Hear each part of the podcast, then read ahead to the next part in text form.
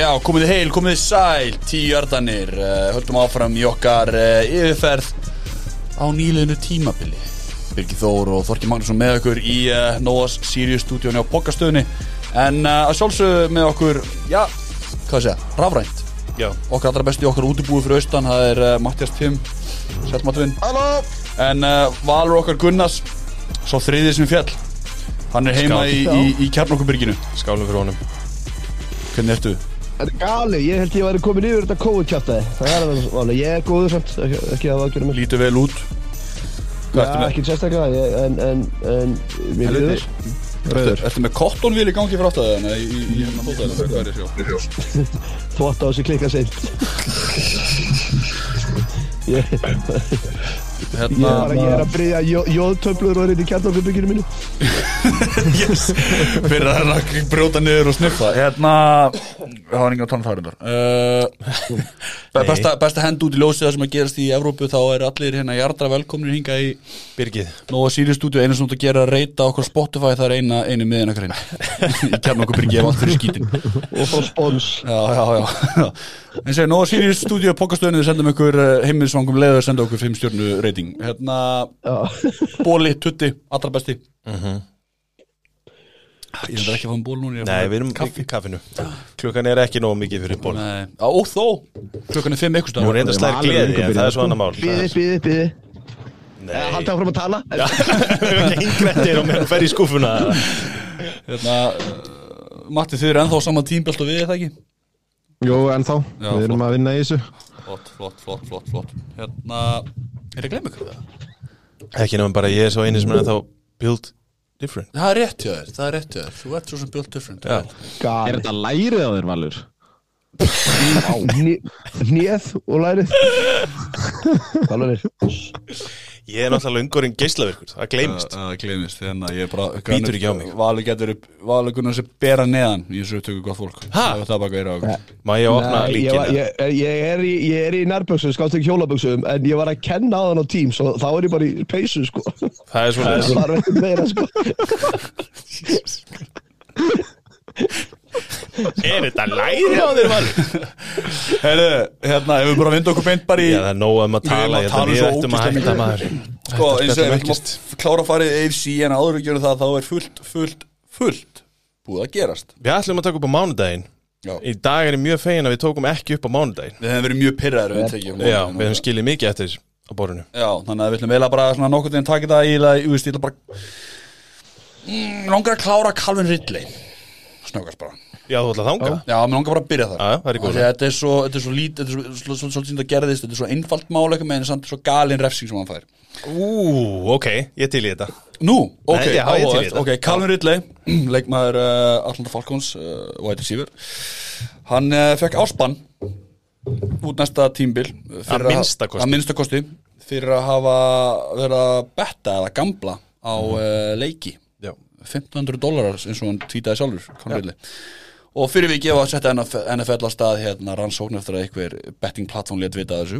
Samstars aðali deildarinnar. Já, samstagsaðali til þarna Takkaði hann basically Já, bara. einmitt, Þetta er í bæði- þetta er í bóði FanDuel by the way. Og, hérna, uh, og þá fór NFL til þetta og Kimi Ljós hann bettaði á þessu leiki gerði eitthvað þrjá seðla eða eitthvað.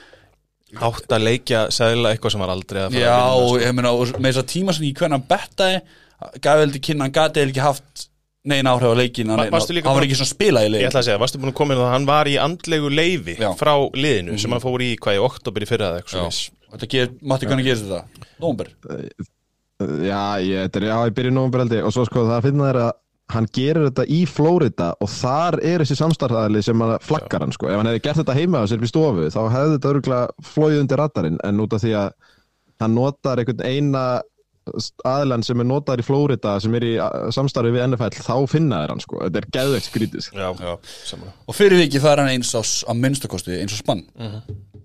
Uh, Þið finnst það mikið? Mér finnst það fáránlegt. Hversu mikið er verið að núna ok, bara svona aðeinslega smá fórsvarið með bandaríkin nú er verið að opna í öllum ríkjum fyrir í rauninni það að gamla þetta veit ég til leikmaður, ég gerum alveg grein fyrir því. Hann er ekki, hann er í leifi frá liðinu sinu það er enginn að segja mér að Calvin Ridley sé eini leikmaður í NFL-deilin sem er að betta. Nei. ég get ekki trúa því, það er ekki sjens þeir fara aðlega, láta vinni sinna gera það fyrir sig. Uh, eins og ég sagði aðan í bóði FanDuel og allt það hversu ofta er búin að sjá DraftKings auðlýsingar FanDuel, eitthvað krypto að byrja að sponsa einhverjar stadiums og eitthvað, Caesars Arena bla bla bla, Las Vegas, hvað er Las Vegas? Þannig að en heil dýpi veðmála sko.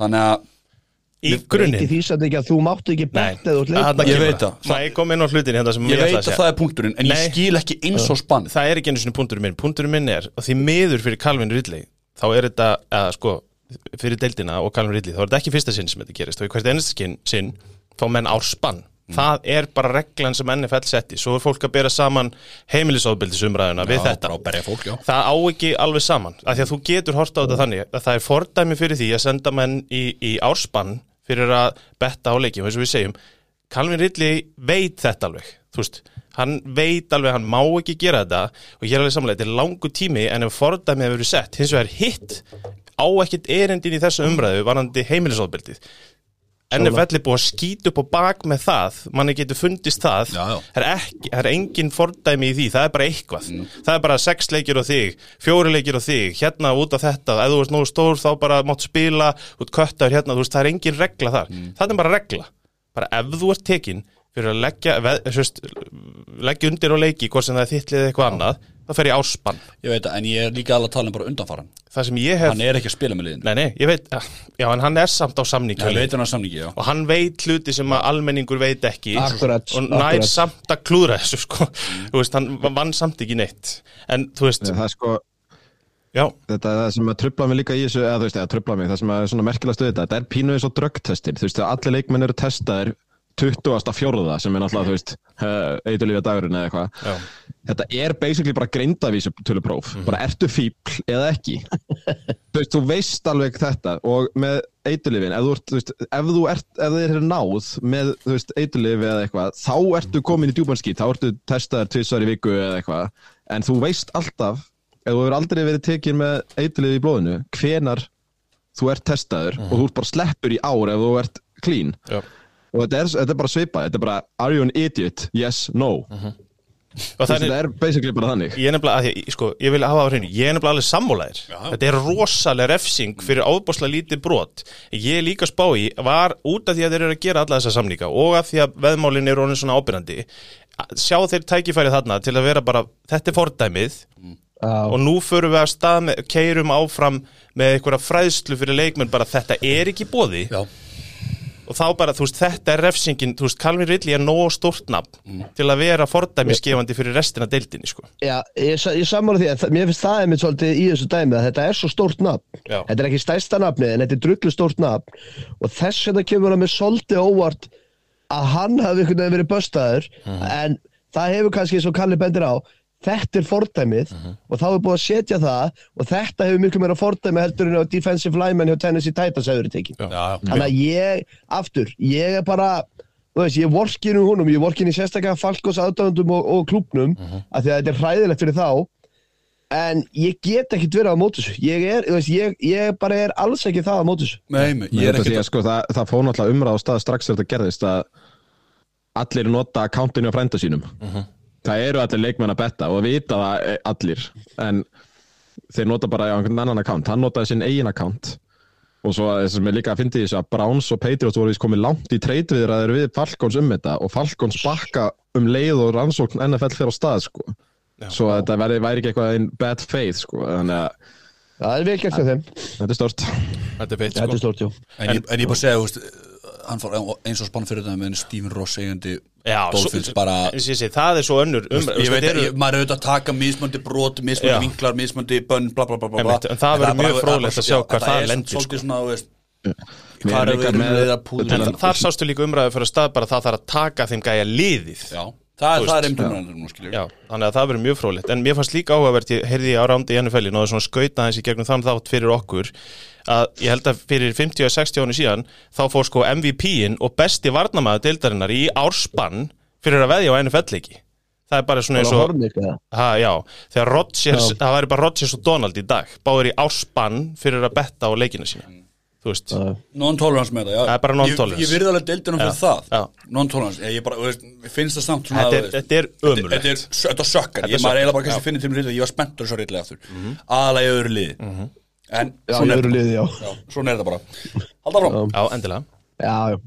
Það er vist eitthvað aðra fréttir. Það eru aðra fréttir. Og ég, og ég, og ég spila búti núna.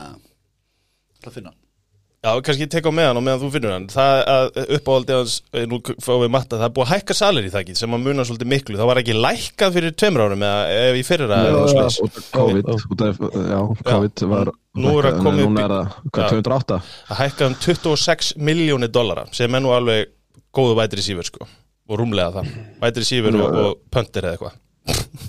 Þannig að það er alveg það er, mun, við munum sjá það núna á þessu, þú veist, þetta hjálpar sumum liðum tölvert Þannig að það er Já, spennandi þeir vissu þetta fyrir löngu sko. Þetta var bara held ég ofinbarlega núna að gerast. En þú veist, þeir vissu alveg hvað talan er Já, en ég meina að það, það verið að búa til samninga með það í huga að það fari svona hátt. Akkurat. Róttu með Tilbúin að það Ég- Nei, en hérna, let's go. Limited. Yeah, you gotta be unlimited. You gotta have a thought process of being unlimited. Það eru Rosa Wilson til Denver. Til Broncos. Já, þetta var, þetta er risatreynd Já. Mission Limited.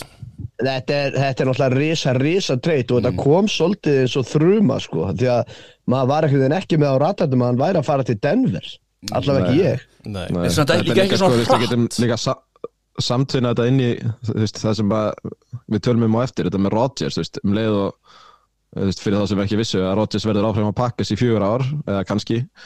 Og hérna þá er alltaf bara að fara þeir greinilega bara beint í það. Þú veist, sa- sagan segir að þeir hefði bara frétt þetta á, sko, á sunnudaginn eða lögadaginn að Rodgers að vera áfram og farið þá að vinna í Seahawks með Wilson. Ok, mér fannst þess að það hefði verið talað um að það hefði verið í, í pípunum í tvær vikur tvær vikur á, en það, ok, þeir, segja já. það, þeir segja það sko.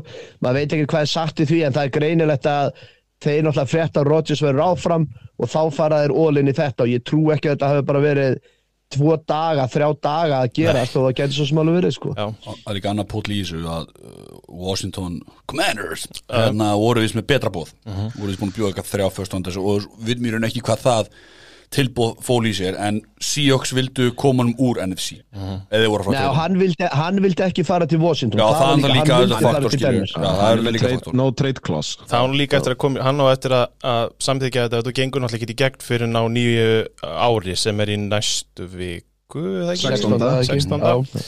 Þannig að það, það er alveg líka punktur Svo var einmitt annað punktur sem var, hérna, ég held ég að sé á Twitter það sem þeir voru að spáði hvort að Hackett hefði bara svo sem vita líka bara að Rodgers væri að vinna í þessum samning og vita kannski í einhver tíma að hann væri ekkit möguleiki fyrir Denver sko. Já, þú veist að þess vegna hafi haft þessar tvær vikur til að tala við Seattle og vinna í þessu samning sko. uh, best að fara við dílinn sem við fengu í rauninni. Það þessi Seattle tvo first round- tvö first round picks tvö second round picks fifth round pick. Já, Noah Fant. Jú.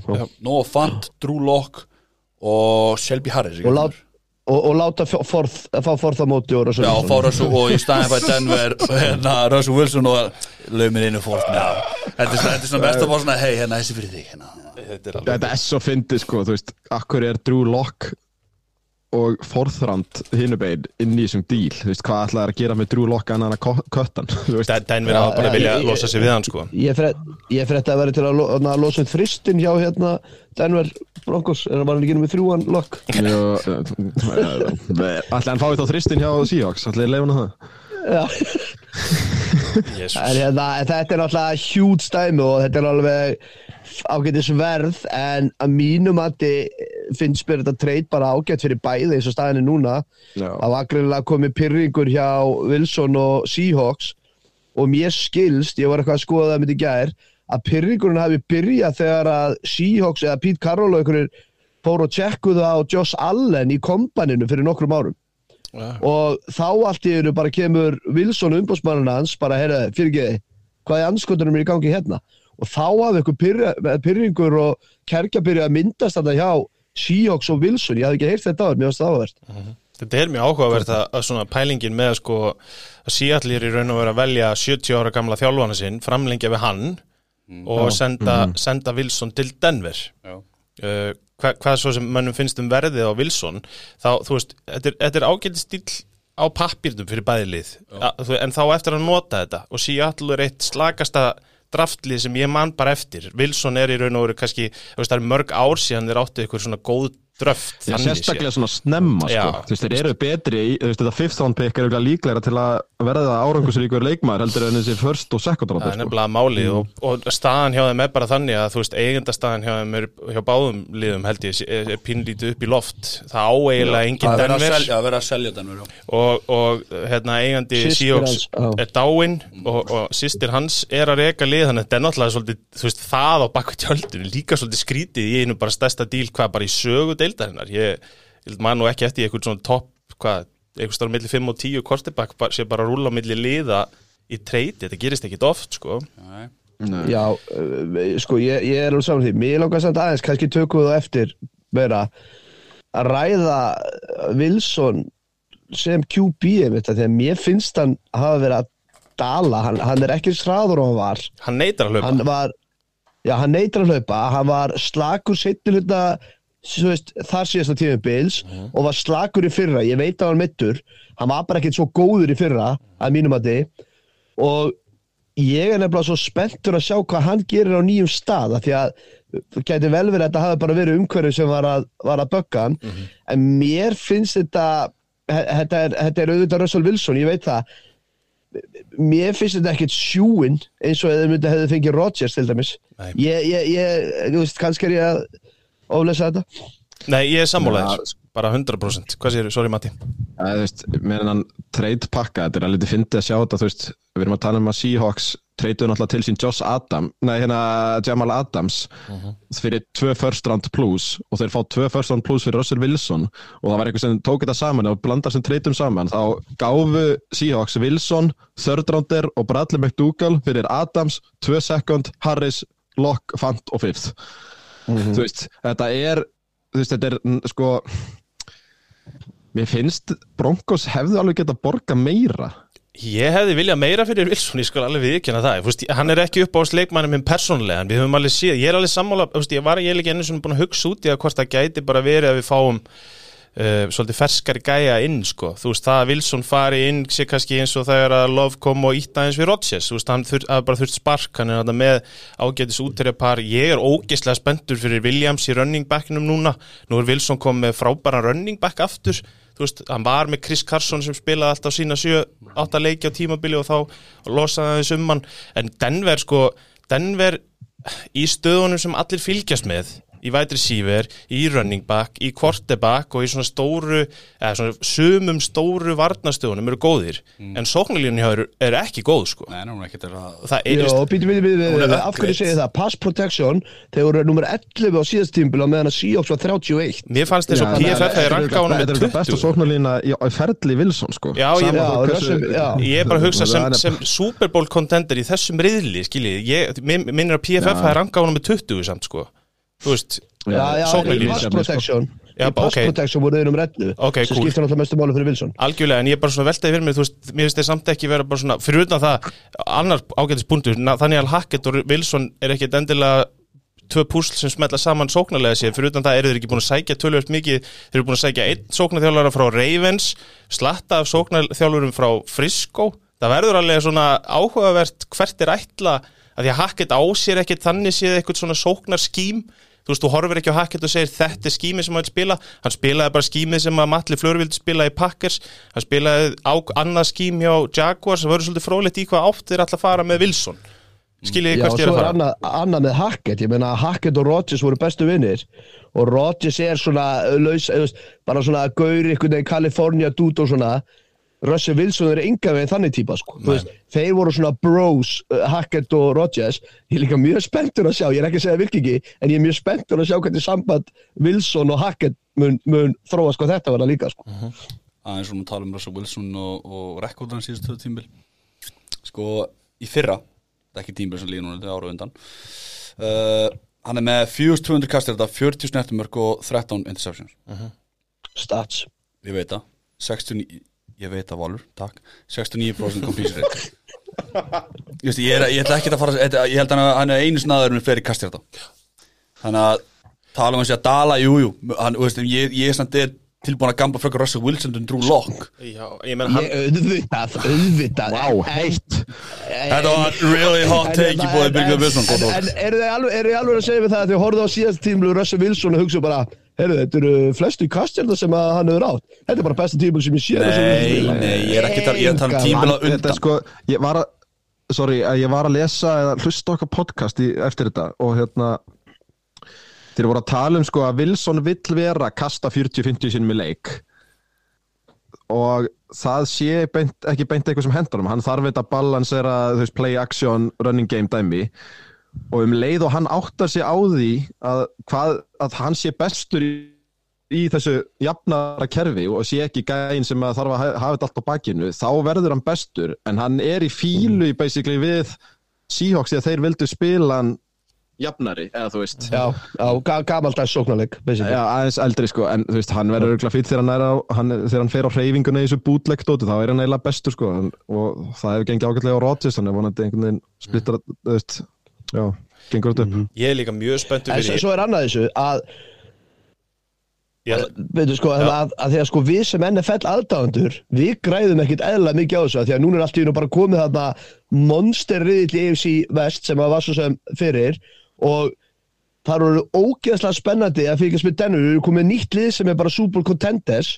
Þetta eru því líka sögulínur. Broncos er að fara að spila við hérna uh, gamla riðilinn hans, hans Wilsons í NFC hérna West uh, og þannig að fyrir okkur sem NFL aðdóndur er þetta náttúrulega geðveikt. Og sorry, svo ég klári að ég hugsa þetta, að þetta er svo fyndið að því að menn er alltaf að tala um hvað gerist þegar að breyti hættir.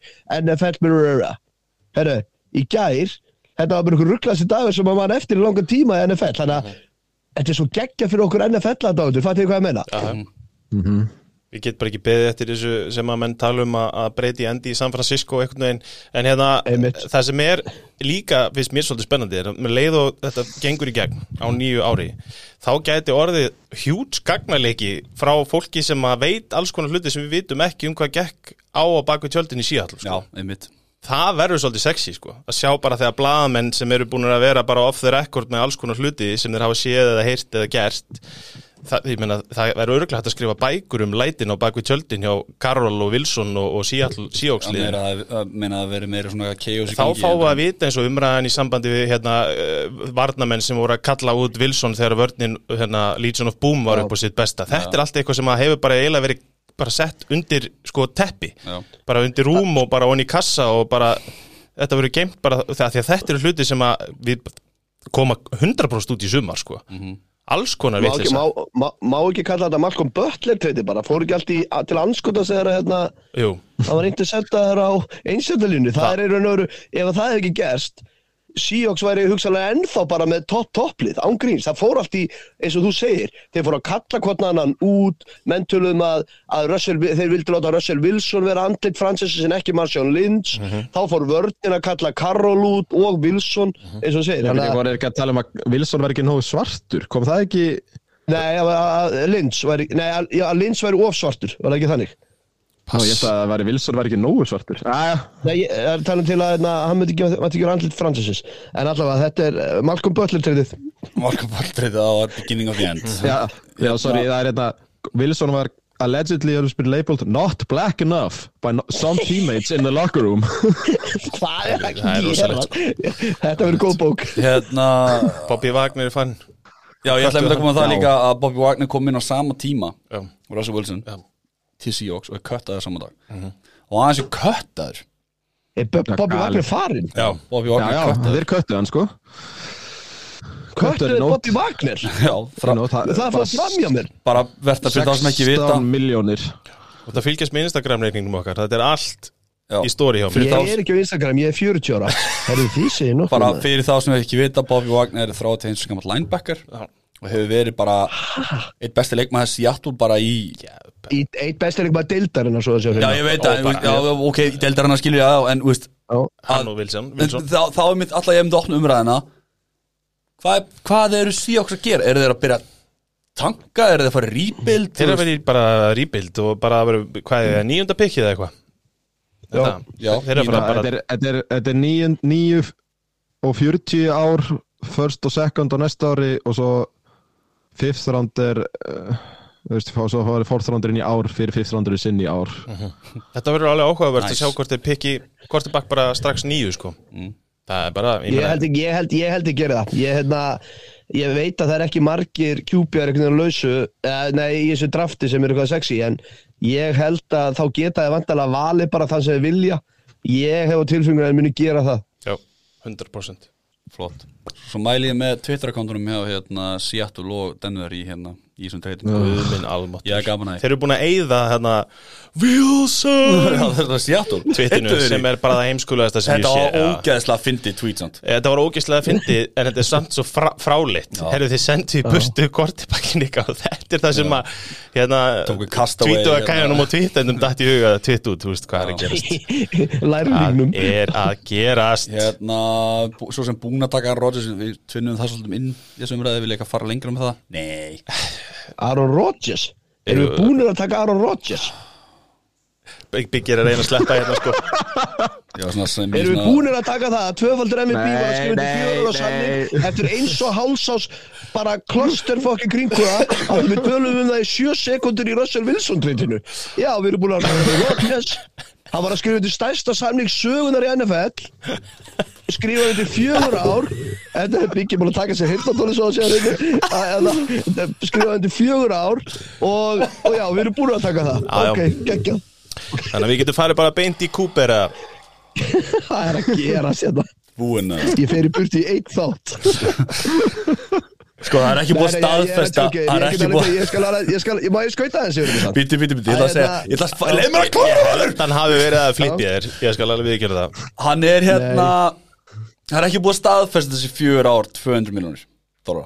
Það er ekki búið að staðfesta. Hann Það er búin að staðfesta að hann kom aftur. Já, það sem gerist í gæri þetta, þetta kemur út hana og, og hann segir því í, í, á, á hvaða plattform öðrum en Pat McAfee show, það ekki? Nei, það var ekki bara Rappaport sem að Rappaport tveið þetta, hann, show. hann segir að í Pat McAfee show hafa hann sagt þetta að hann væri ennþá Pat McAfee, seg, ha, Pat McAfee er sá sem breykar þetta news. Já, breykaði nú, ok, allan Þetta var eitthvað smá sem fórum tilbaka með þetta Það var mjög ólöst þetta komið, allan að fréttum kom Fjör ár, 200 miljonum dólara Svo er samt Róðis ekki beint búin að staðfesta það að það sé, það séu tölunar En það gæti verið eitt ár. Ekki satt? Uh, ég bara, valla sko ég, ég hugsa að þetta sé ég ætla að giska á að þetta sé nú bara svona þokkalega on, on point sko þegar menn eru konum með 153 ár guarantít og eru með alla þessa punta þá er eitthvað til í þessu sko. Hann vildi sjálfur, mm. sagði hann eitthvað ég er ekki búin að skrifa undir en þú veist það sagði enginn að hann væri búin að skrifa undir. Það sagðist bara að væri búin að ákveða þetta væru lengd og tölur Það sko. ég er að velta fyrir mér samt, sko Hvernig eru fannin frá gæja sem var sem ég hætti í fyrra Ekki satt? Alltaf að fara í Jeopardy eða eitthvað bla bla bla. Aftur í ára að tala um hvort það væri að meta hvort það myndi koma aftur Bla bla bla. Hvort það myndi einfalda hætti í deildinni eða fara, fara eitthvað annað. Yfir það að fara í fjögur ár. Ég held að þarna hafi bara gríðarlega bara bætt samskipti, ég held að það sé nú bara aðaladrið þannig, ég held að, að front office, office, officeið hjá Packers og Rodgers hafi átt betra ár bara í samskiptum og annað, óháð því hvort að kopp eða einhverju svona vilsingur hafi komið inn, þá held ég bara að hérna, ég held að það sé bara mikið bættandi ég held að bæði, báðir aðalar hafi bara þurft að horfa svolítið inn á við og skoða sína stöðu gagvart hvort öðrum. Og ég held að það hafi gengið betur. Uh, af hverju hann skrifandi fjögur ár hann hefur alltaf sagt hann vilji spila fram yfir færtugt og þú veist það er líka svolítið umræðinni eins og þetta, þú veist, akkur tók hann ekki pay cut til þess að hérna, eins og breyt, þú veist, bullshit þú ert bara besti gæðin í deildinni þá áttu bara að fá borgað eins og besti gæðin í deildinni þú veist, það á ekkert að hafa áhrif á neitt annað. Mér, mér finnst það persónulega þú veist, það, að, að, það breyti að við tekið pay cut er, er albatross í deildinni, þú veist. Það, það, er, það Já. er engin annar sem gerir þetta þannig að svo umræða fellir um sjálfan sig en það, það, þessi dýl á að vera sérstaklega tímfrendli núna í ár sem pakkar sárvandaði og þá verður svolítið spennandi að sjá hvað þið gera í framhaldinu í rauninni. Svo, svo, má alveg, svo má alveg tala um þessi breytidæmi í fyrsta lagi þá er konan hans ríkar en hann. Það er ekkit allir sem að búa við þann luxus og í öðru lagi þá er náttúrulega sögursæður um að kraft fyrirtæki að vestlaði fyrirtæki hans þannig að hann hafi fengið borgað þar en það er annar mál. En þetta með, með Rodgers og að náttúrulega Jeopardy og eitthvað hann náttúrulega var aldrei að fara að hætti hann að fyrir því það er tekið upp á off-season svo það sé annað. En mér finnst þetta bara að vera þannig að, að Rodgers og Packers fóru í störukefnu og Rodgers vann 150% það, þá störukeppni. Alveg bara, ég meina, þú veist hann vildi fá meiri ítöki hverju myndu koma hann fekk það, hann vildi vera meiri ráðum hann fekk það og enda svo að skrifa eftir stærsta samning í deildinni af því að hann er búin að vera tvöfaldur MVP síðan að hann var pyrraður út af loftrittinu Já. þannig að mér finnst það bara, og eins og Kalli segir bætt samskipti 100%, alveg 100% það hefur líka að segja. Og ég meina, þú veist, svo tökku, tökkuðu við Devante Adams sem er vonandi bara þá er að vinna í díl fyrir hann. Þannig að Pakkes verður með tvo bestu skill position leikmenni deildarinn á næsta ári áfram sem þýðir að vera relevant. Og ef að Rodgers spilar þessi fjögur ár að þá er þetta bara algjört vinn fyrir okkur Pakkesmenn að við getum hort á besta QB í deildinni næstu fjögur ár í hver einustu viku. I love this. Og ég ætla bara ég ætla bara að segja það að hérna ég hef sagt á Milosonum, it's a journey not a destination. Við vinnum kannski aldrei Super Bowl en ég fæ að horfa Rodgers 17-19 sinum á ári með fjölskyld og vinnum og I love it. Það takk. er alltaf líka hjálpaði Rodgers að, hérna, að ég er ekki að fara í ég nenni ekki að taka aftur upp hérna, þá umræðu Nei, nei. en það hjálpar honum auðvitað að Jordan Love hefur bætt sér nákvæmlega ekki raskat síðan hann var draftaður við vitum það ekkert við vitum, við, við, væntalega samt Nei, veist, ég, það er það sko, sem, ég býtu lemur bara þú veist, það, það er náttúrulega líka setur pressu á pakkist þegar þeir horfa á þetta og hugsa bara með sér, við getum ekkit bara lift Rodgers að fara til Denver, þá erum við kvortibakklausir með allt þetta lið, skilur, þú veist, það er bara ekki hægt. Já, já, ég, ég, ég skil alveg hvað það meina en við náttúrulega höfum ekkert séð lofi sáum við með einu leik þar sem fekk engan Já. undirbúning á Arrowhead en, en hann er 23 ára líka, er sko, að- ef, ef þeir hefur séð potensiali sem við sáum í Rodgers er að farfara hætta Mhm. þá erum við kannski ekki í þessari stöðu núna ég er alveg hjartalega samlaðið þar Mhm. og alveg 100% og ég, eins og ég segi, við náttúrulega vorum eitthvað að djóka Twitter og svona en Já, við erum nú, þetta risti nú ekki djúft þetta lofdæmi hjá okkur en hérna og svekkjandi fyrir þá sem vildu hlusta okkur rífast en hérna, en aftur, ég bara er ógjastlánaði með þetta og og pakkas, og í þessari löskuðu NFC-del, þá verður pakkas relevant áfram. já, 100%. Bara, Ég ætla ekki að svona opna þetta Jordan Love ekki nei, nei, og ég, ég, ég, þú þarft þessi ekki. Ég, nei, nei, ég, mér langar þess ekki, sko. mér langar þess ekki. Þetta er bara flott, þetta er ég búið, meina, sko, þetta er bara eins og ég meina, f- first round picks eru bara shit, sko, hásir í, sko, þú Já, ég meina, fuck them picks eins og LR Ramsau þú veist, það er bara svolítið og ég meina, þeir gerðu þetta á sín tíma það er búið og núna eru þeir basically að borga Aaron Rodgers fyrir það, skilur þú veist, þetta er það sem að er bara málið, En ok, bara þegar við vorum að tala um til vandi Adams þetta. Hold out Ég- er að- vonandi ekki Tökum snöggast að þegar við fengum inn spurningum mitt á Instagram eftir að svara því almennilega Já. með takkið. Þannig að bara fyrir þá sem við viti ekki hvað franchise takk er mm. Robotu minn, take it away Já, það er svo sagt, þetta er gömul regla sem að er eh, gerð til að þetta var uppalega gert til að bjarga um, liðin frá litlu mörkuðum að missa stóra leikmenn yfir á stóra markaði.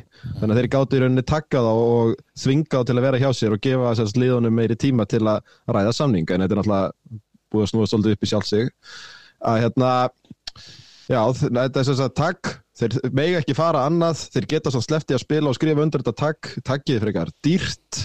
Þetta er held ég meðaltal fimm launahæstu leikmanna í þeirri stöðu sem hann er takkaður. Eða þá 20% launahækkun hvort sem er hærra í hverju tilfelli fyrir sig.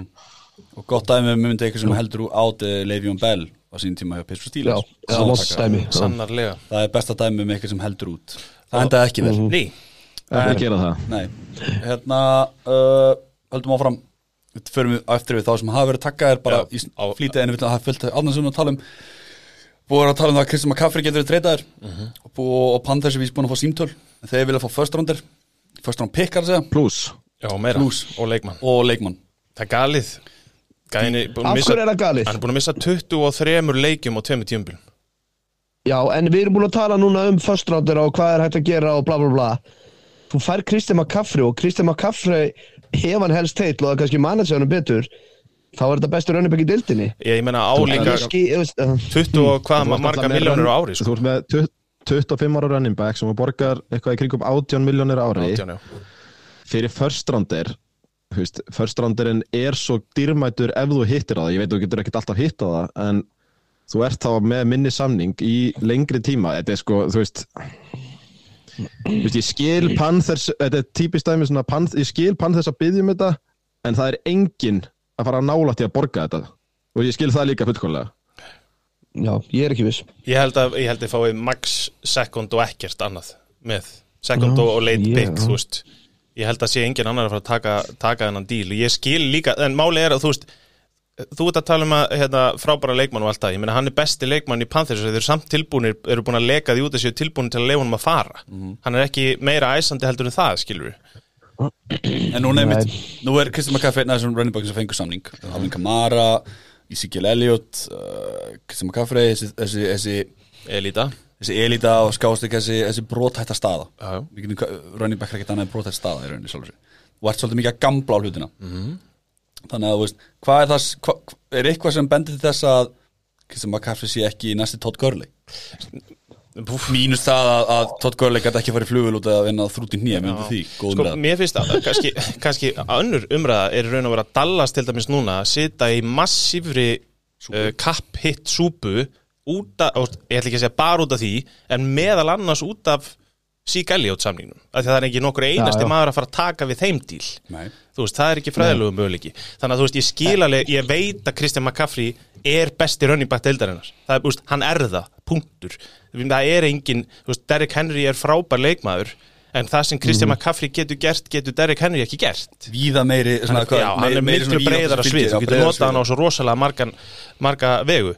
En hérna en, en að, þú veist first round og, þú veist, þeir eru ekki að byggja um bara eitthvað leikmann, þeir eru að tala um góðan, þú veist, helst bara stjörnu leikmann er ógislega dýrt móti, fyrir svona mikið meitnan gæja. Þó ég skilja alveg hvað átt við Valur. Ég, þú veist, ég er trilltur ef að, að pakkis eða lið sem ég heldur með myndi sendi eitthvað, þú veist þetta er næstu því að sama og þú sendi fyrir quarterback, Run, þú veist, í Wilson Já, ég veit, ég ætla segja eitt að munurinn á McCaffrey og öðrum gæðum sem við höfum nefnt er að McCaffrey hefur verið liðið sitt undanferðan ár. Þú veist, hinn er eins og Elliot er með Prescott og Elliot er ekki eins og besti leikmar í liðinu. McCaffrey hefur verið sóknin punktur. Hann hefur bara verið allt. Og ég held tefla, aftur, þú veist, ef að hann hefur verið manager rétt og svona, ég myndi gera mikið fyrir að, að ég myndi þurfa að gefa 20 pluss pikk fyrir hann í förstrand þú veist það er að segja þú veist 20 eða setna ég meina, Já, ég, ég- myndi alveg, alveg þykja hann ef ég væri running back löst lið sko. Ég veit bara ekki Þetta er bara alveg svo kollrangur tími Já. fyrir Panthers að selja. Og ég veit líka ekki alveg, já, fyrir utan það en ég veit líka ekki alveg hvað lið sem er með, þú veist gott lið og góðan quarterback hefur pláss fyrir þennan samning og að senda Nei, eitthvað er mikið frá Já, sér já. skilju. hann væri basically þá að fara í svipaða stöðu þú veist, í eitthvað lélegt lið sem er í quarterback vandræð En- En þá ekki með panik, verður ekki Panthers með fyrir vombriðin saman hvað í sjálfsver, eða treytunum Jú, sennilega ég veist, þetta, þetta lið á bara ekkert að vera með svona dýna running back. Nei. Ég held að þeir þurfa að, þú veist, jú, jú, það er alltaf eðlilegt að byggja um eitthvað mikið fyrst og svo kemur eitthvað tilbúð og þeir eru eftir að setla sig fyrir eitthvað. En svo fer hann bóttið aldrei því að engi vil borga 70 miljonir fyrir meita running back. Það er þannig áhvert að fylgjast með Kristján McCaffrey uh, Já, sögulínu ég, þetta var ekki með samninginu svo hreinu, ég skal viðkynna það, en já, það, það er með glóðansens, en stensand við þetta, ég myndi drepa fyrir að hafa McCaffrey í liðinu mín ef ég væri ekki með tvo bestu running back í deildinni í minni, nákvæmlega. Hérna, tvo bestur deildinni, ok uh, Að að það vorum að tala um Ezekiel Elliot Mikil umræðan þegar Mari, að Mari Cooper. Uh, Hvað verður um hann? Er, ekki, er, ég- er ekki að bulla því að segja þegar að tala um að köttan eða treytunum, hvort var það? Já, þeir ætla sko, þeir eru, eru búin að segjast alltaf köttan sem að væntanlega þýðir nennir einhver að borga okkur svona fifth rounder. Já, til að, þú veist, en vill einhver fá hann hann samning á fifth rounder en þeir ætla köttan, þeir eru náttúrulega að spara 16 miljónir á því og já, eru fókt út af þessum sík samning þú veist, ef þeir kötta sík í ár þá er held í 30 miljónir eða eitthvað í deadcap, þeir geta kötta hann eftir næsta tímabil, en hann er svolítið mikið að hengja á núna þessi samningur. Aðeins til að útskýra shitshow sem er í gangi í Dallas and bara snöggvast Þeir töluðu til Marcus Lawrence spuru hvort hann geti tekið á sig paycut sem er defensive-vendin sem er einmitt besti, bara einn besti leikmaður sem er, fengi hann ekki samning bara fyrir síðast tímbil eða? Ég held sér ekki, allan, það er mjög stutt síðan hann fekk samning Þeir tala um að hann myndir rekonstrukta samningi sem hann sagði nei. Hann segi, nei takk. Þannig að nú er þeir að reyna að rekonstrukta samningi sem Dak Prescott fekk já, já, eru búin að restructura sko, að þeir eru búin að restructura held ég hérna DAC Náður því? Ég held Ok. það og svo sko þrjá eða fjóra aðra leikmenn sem að, og þeir eru út um alla trissur að reyna restructura. Það er mjög fyndi að þú veist þegar maður flettir upp Amari Cooper þá færðu sko fréttir um að Cowboys alla köttan á sama tíma og Jets sé að hugsa um að senda tvö pick fyrir hann. Þú veist þeir vita greinlega ekkert hver staðan á Cooper er. Nei. Og það er mjög grillað að vera í þeirri stöðu herru við gætum fikið tvö draft pick frá Jets eða ekki neitt en, en það er það sem gerir svolítið skemmtilegt líka með þess að white receiver free agency umræðu og trade umræðu sem er í gangi núna. Að, að, þetta, að það er fullt af veteran útherjum white receivers, ég passa slangi ekki mikið hérna Jú, jú. að hérna, að verður gáðan fyrst með upp á það að Alan Robertson verður líklegast látin fara.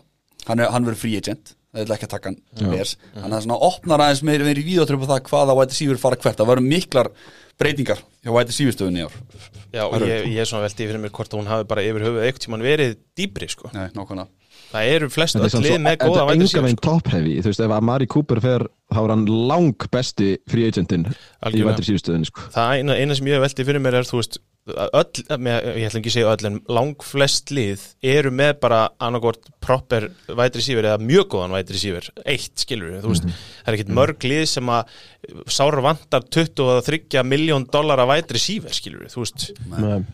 það verður svolítið kannski spennandi að sjá hvernig það fer með þessa tvo sko, Ok, en þeir eru verið að fá örgulega einhverja skeppnu samningar sko. Skeppnu en samlingar Cooper var, var ekki slagur í fyrra eða? Hann hann týndist, hann byrjaði vel eða ekki svo bara konaði þetta svolítið hann niður hjá honum. En þetta er eitthvað að vesta svona all-in tímabil sem að mann eftir hjá Cowboys sko, maður var með á þokkalega hátt sko. Voru þetta með CD Lamb og náttúrulega Elliot, Prescott, Cooper. Gallup. Þeir bara alveg, bara skýtum á bak bara tóku eða Dallas á þetta. Svo við svona tala um það. Næsti uh, vinkil í þessu J.C. Jackson uh, cornerbackin hjá Patriots. Hann verður ekki franchise takaður Nei, og hann villist fá uh, 20 miljonir 20 uh, sem sagt cornerback hjá Patriots. Er, er einhver betri cornerback á markanum þú veist Nei. sem Mm, unrestricted free agent? Ég held ekki sko. Hann er að fara að fá hann, 20 hann, miljónir hann er gauð sem að fer á Fuller og- vætri sér eitt. Hann fer á vætri sér eitt og er bara, var ógeðslega góður í fyrra sko. En, en Belichick kann alveg að vinna með þessa cornerbacka sko en, en þannig að ég veit ekki hvað hann Belichick er að hugsa. Þetta Patriots stæði með nú bara stóð skrítið akkurat þessu staðinu núna. Það er engin sóknar þjálfari hjá þeim held ég.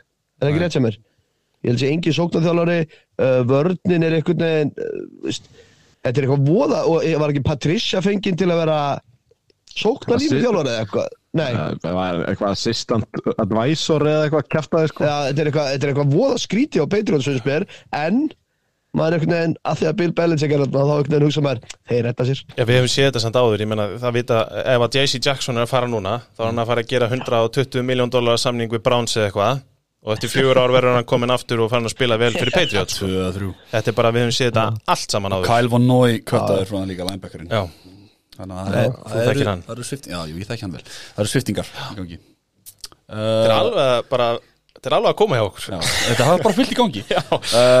Já, Já, Já. Annar stór wide receiver bitið sem var að tala um Mike Williams wide receiver hjá Chargers, hann gerir samning við Chargers þrjú ár 60 miljonir Já, Chargers voru með mesta uh, kappið sko. Áttu mest lausta peningum og ég bara I like it sko, bara haldið þessum tveimur gæjum hjá okkur fyrir Herbert, Herbert á bara skilið að vera með tvo góða vætri sífura hann átti ári lífsins Mike Williams í fyrra og þú veist, Aldrei með að síðan á réttum tíma. já, hann, hann og bara ekki, og ekki veitir af þessari deild núna maður. Nei, nákvæmlega, og sérstaklega þú ert með Herbert sem er bara, núna er helviti slagur í, þú veist, Chargers eru í geggjari stöðu til að búa til frábært lið og þetta var bara partur af því, það er að halda í Mike Williams þó hann kosti 60 miljónir, hvað ætli þetta sé, þú veist, ætli að fá ekki 35-40 guaranteed, eitthvað Mhm. uh, Jack Doyle, tight end hjá Indianapolis Colts hann er hættur, næsti Næsti, do we really care? Bara Nei. hérna. Hoppaði bara yfir taggin, ég held við þurfum ekki einu svona að ræða þau neitt sérstaklega, nema bara hversu fráleitt tvöðaðum eru, en annars erum við góðir, sko. Það Já, endilega. uh, Chiefs tökku Orlando Brown og Fens Lyman hjá þeim Mhm. uh, Bengals tökku Jesse Bates safety hjá þeim, langt besti varnamaður þeirra uh, Dallas steikt hérna tökku Dalton Schultz sem er end þeirra. Það er ekki slag skrítið maður. það er bara ákvörðin sem bara Dallas, bara vera Dallas. Uh, Mike Gesicki hjá Miami, hann var takkaður uh, kannski stærstum er að hérna hann vil fá white receiver samninga því hann basically hann Já. er meir en nokkur annar maður. Þetta er ekki rámt mér. Uh, annars skrítið David Njoku. Hann er takkaður hjá uh, Cleveland Browns. Matta til mikil að gleði Ég bara, ég skil ekki þessa þessi tight end tök Ég bara, ég átta mikið alveg á þessu. Þetta er 11 miljónir fyrir næsta ári jú, ég geta náttúrulega rættið á samninga en Dalton Schultz og David Njoku. Þú veist. RIP. Ég ég bara, bara What the fuck? Þú veist Capspace er alveg þing upp á ákveðin marki sko. Akkur er það eða 11 miljónum í þessa gauðra? David Njoku er svona 30 miljón pund- dollara tætet einhvers staðar í tætan sko. Þú veist, ég er bara, já, bless. Uh, Jackson Jaguars tökkuðu Cam Robinson og fennst að takkulega Mista gott takk. Ég skil öll tök á yfir með miðlungs takkúls Já. bara, það er bara gefið þú veist bara endilega go for it sko. Og Þetta var heldur fyndið, þetta með Cam Robinson. Hann er ekkert sérstaklega góður sko. Nei, en, og, og þeir eru náttúrulega first overall og veðbankunir eru með á sem hana, Eva Neal eða Ikki sem verður báðið tackle sko, left tackle. En núna breytist bara stuðlarnir bara einni nóttu, bara hellinga þeir tækju þarna einhvern pass rusher sko. Bara við þetta takk, bara snýrist bara veðbankin bara á hliðina sko. Og takkið sem að uh, mér finnst persónulega sorglegast uh, Tampa Bay Buccaneers, þeir takka Chris Godwin. Skil takkið, ég skil það en bara svona fyrir áhómanir þá finnst mér það leðilegt við erum að fara samt, veist, Tampa Bay þú veist, þessi þeir, fengu tvö frábær sísón þeir eittu öllu púðrið í það að vinna Super Bowl eins og tvisvar. Og nú er það á leiðinni niður brekkuna. Nú munum, veist, nú munum við sjá það þurfa svolítið að borga reikningin sem eftir situr eftir þessi tvö ár. Það er alveg klárt mál. Og Godwin er svolítið svona fyrsta held ég púslið í því að, að, að, já, að reyna að setja saman aftur eitthvað að lið sko. Þeir eru beislega að kaupa sér tíma. E, já, Ó nei já og nei þeir eru að fara að missa bara alveg fullt af leikmennum eins og við vorum að tala um sóknarlínin hjá þeim basically að farin sko. þetta er bara Og fyrstu Tom Brady. já, já, Tom Brady, veist, þetta eru bara veist, tampa dæmið er búið í bili Það held ég, svona nokkurn veginn. Þeir eru ekki, já, Búin að fara í fréttunar Já. Hvað sagði þið? Þrjú kortari, 45 minnur, tjóður góri sem er Þetta er bara, þetta var svo skemmtilegu dagur ekki þetta, ég elska þetta, það var Og þetta eru bara betra. svo, þú veist það er verið að, já, ég myndi verið að tala um að þetta sé bara fyrstu dominóin sko, svo oh, nú geti allt farið að staða aftur. Og svo þetta er aftur eftir 50 daga þetta er geðveikt. 50 dagar manns Það er alltaf fríið sem í næstu viku. Já, 16. Já, 16. á, á, á, mars. Þá verðum við á yfirvinn og Twitter og Jesus. Instagram. Ekki það að það var nóg að gera hjá okkur í gær sko. það var nóg að gera hjá okkur í Jú, gær. við mennum að sveitur á þeim rúlum Hérna Við varum að halda fór með AFC fyrir nokkuð, klára nei, nei, ekki bara að slúta þessu. Funny guy. Funny guy. Helviti góðu þessi. Herri, tökum við AFC South, við byrjum þar.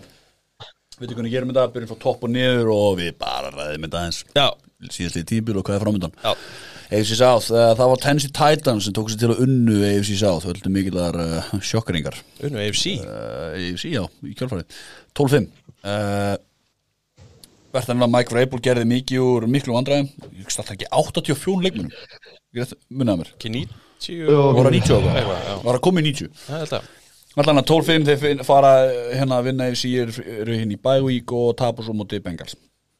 Uh, Ljótrendir á áhöru tímbili þú segir líst -hmm. þá kemur við stórumræðan uh, Tannehill leikstundin Ryan Tannehill sem að ég og ég mitt svona bittersweet samband með. Var ég mitt leikstundin Miami í lengi.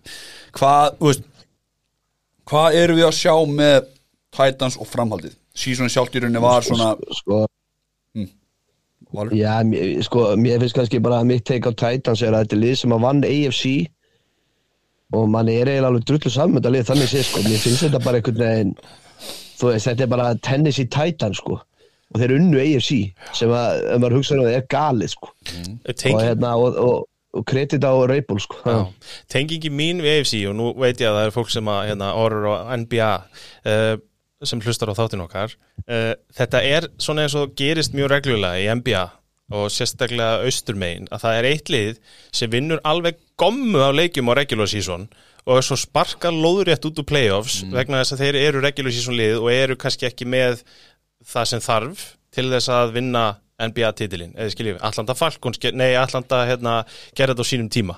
Hawks, Packers voru með unnu bara. 60 og ég veit ekki hvað marga leiki og svo bara loppað út úr playoffs. Og þetta er svolítið raunin hérna og ég skrifaði einmitt með Tannehill. Mér persónulega finnst hann ekki nógu góður til þess að vinna Super Bowl. En ef þú ætlar að horfa út þessu við höfum, vorum að ræða á hann með Packers. Þú veist, er gaman að horfa á liðið þitt vinna tóluleiki á regular season? Já, það er mjög skemmtilegt en líkunar að þau vinni Super Bowl eru opaslega litlar þú veist, þó þau séu með Derrick Henry voru opaslega óhefnir að hann meittist svo kom hann inn og hann úst, var greinilega ekki tilbúin til að koma tilbaka. Uh, uh, svo erum við með AJ Brown þeir eru með Julio Jones, en þá horfum maður, svo veist, ef þú ert með alla þessa leikmenn þá hlýtur vandamáli að vera uh, eitt af vandamálunum fyrir utan kannski vörnina á, á tímabili Tannehill. Og þeir eru töluðu þú veist, það var að tala um það hann mögulega að vera að fara og svo kem, kemur náttúrulega ljós, ljósa, þú veist þetta er ekkit eðlilega miklu peningar sko sem að þú situr uppi með að þú köttar hann og liðið sem þarf að taka við honum er að fara honum ógislega mikið pening og þá ert í sömu stöðu og Titans eru búin að vera í síðustu þrjú eða fjögur árin. Þannig að þeir eru svolítið vondur í stöðu þannig að GM er núna búin að skipta svolítið um vindátt og núna er verið að tala tanni heilu upp sem að væntalega er vegna þess að þeir ætla að spila honum næsta tíumbil vegna þess að markaðurinn er vonlaus eða þá að þeir ætla að reyna að losa sig við hann í treyti. Þetta er svona þessi staða skipt svo miklu máli fyrir þetta lið að ég allt annað einhvern veginn fellur svolítið undir radarinn. Þetta er svona sko, mér finnst hann sko Ryan Tannehill komur svolítið stöðuleika í quarterbackinu 100% já, já, já, já. sem he- hefur ekki mitt áður verið undir fara náraðana ekki alls síðan McNabb var að ég sé ekki að byrja með það að gera. Öruglega. en svo kemur líka með, svo fyrir um þessu tímbil svo, að Derek Henry meðist um tímbili og, og hérna er átt le- heil lengi og er rushing leader líka bara ógeðslega lengi samt þráttur að vera átt uh, hann fer á hann að færa eitthvað járnskrúrin hér og sér, eða bara í, í fótinn sinn. Kemur hann í, í Playoffs, bara. Og það fer ekki betur en svo þau tapa. Skilur, þannig að nú spyrir Reyndu. Re, ok, reyndu til hamingi þannig að þetta er rosalega svona bittersweet, eða svona bara leiðilegt fyrir Derrick Henry sem leggur á sig alltaf að vinna og koma inn aftur. Og þetta er það sem gerist. Ég og það verður ekkit úr svo rönni sem Ég er hættur allir í umræðu um hvað er hægt að nota Derrick Henry mikið á tíma, veist, hann er náttúrulega gerður úr bara, þú veist, mm. titanium og svo er líka allt í lagi að nefna að Harold Landry var að skrifa undir framlengingu 88 miljón dollara framlengingu í 5 ár. Og hérna eh, en þú veist, já, já, þú veist ég bara fyrir Titans 100% ég menna, það er frá, frálegt að nota 90 eitthvað leikmenn uh, þeir eru með frábæna þjálfara og þú veist, þetta er bara, þetta er bara fínt lið. Það er mjög fyndið að draumasæningar smatta eru ómöguleg frá og með deginum í gær. Mike Gesicki og David Njoku það er dottið út. En þeir, þeir skulda, er, sérst, er í mínus í kappi og þeir, það er rosalega lítið sem að ég sé þá einhvern veginn breyta fyrir næst tímbil við erum að held í bara í besta falli sko- að fara að sjá í þriðja, fjóra tímbil í röð wildcard-lið frá Titans. Það fáralegast að vita lið, þetta er náttúrulega AFC Champions og ef þið myndið powerranka þá myndið að vera þetta akkurat örgulega í miðjunni bara áttunda besta lið í AFC algjörlega. Þú veist, bara Já, já, þú veist, ég, ég get einhvern veginn ekki verið spenntur, ég elska AJ Brown en það, that's it sko. Ég er alveg sammála því ef við skulum satt átt úr því eins og á hann að Derek Henry meiðist og er meittur í úslutukefni á tímabilið það sem að, að, að Bengals fyrir í Super Bowl sko. Þannig að það hefði alveg eitthvað geta gerst ef að hann hefði haldið seill. Já. Skiljiði, þú veist, þeir voru ekki leikar frá þessum það. En eins og við tölum um, ég nefndum einhvern tímann að er ekki bara Titans bara lið sem þarf að vera underdog? Þeir er ekki lið sem þarf að vera the team to beat. Þú þarf náttúrulega bara fyrst og fremst að vera með Tannehill á sko sínum, hann þarf alltaf að eiga sinn lang besta leik í playoffs til þess að þeir vinni. Ná, þú veist, ekki glemma að byrja leikin og interceptionu á móti hérna, Bengals. Hérna, en og það er við erum búin að fara í það en já, við ætlum ekki að tala lengur á uh, Titans bara að sjá hvað gerist. Já, og svo er bara, þú veist, að því við Yes. vorum að tala um mætri síðumarkaðin en þú veist, þeir, þeir fengu Julio við sáum Giants taka Golladay Mhm. þú veist, og það, þú veist, þeir hvorur þeirra var nógu góður. Já. að það er líka kannski, þú veist verst að benda á það þegar þú tekur við gæja, borgar honum ógislega mikið kannski 28 til 32 ára. Þú veist, það er, ekki- hefur alveg sérst og gerst að menn, kannski er ekki alveg eins góður og maður gerir Nei. ráð fyrir. Nákvæmlega. Höldum áfram. Yes. ég væri ekkert sérstaklega að hissa ef að Julio verið köttaður sko. Nei, ég er eiginlega sammála því. Skemmtilegt. Colts. Colts, 9-8 uh, Svolítið svona tímbil sem svona snýrist Já, svona þeir svona þessu svolítið sjálfur Colts, erum við ekki á því? Ok, reyndar var- klúra þessu basically. Glata sko, máli er þetta var sorglegt tímuböld hjá Indianapolis Colts. Þetta hafði einhvern veginn allt til brunns að bera þetta, vera bara hörku tímuböld hjá þeim.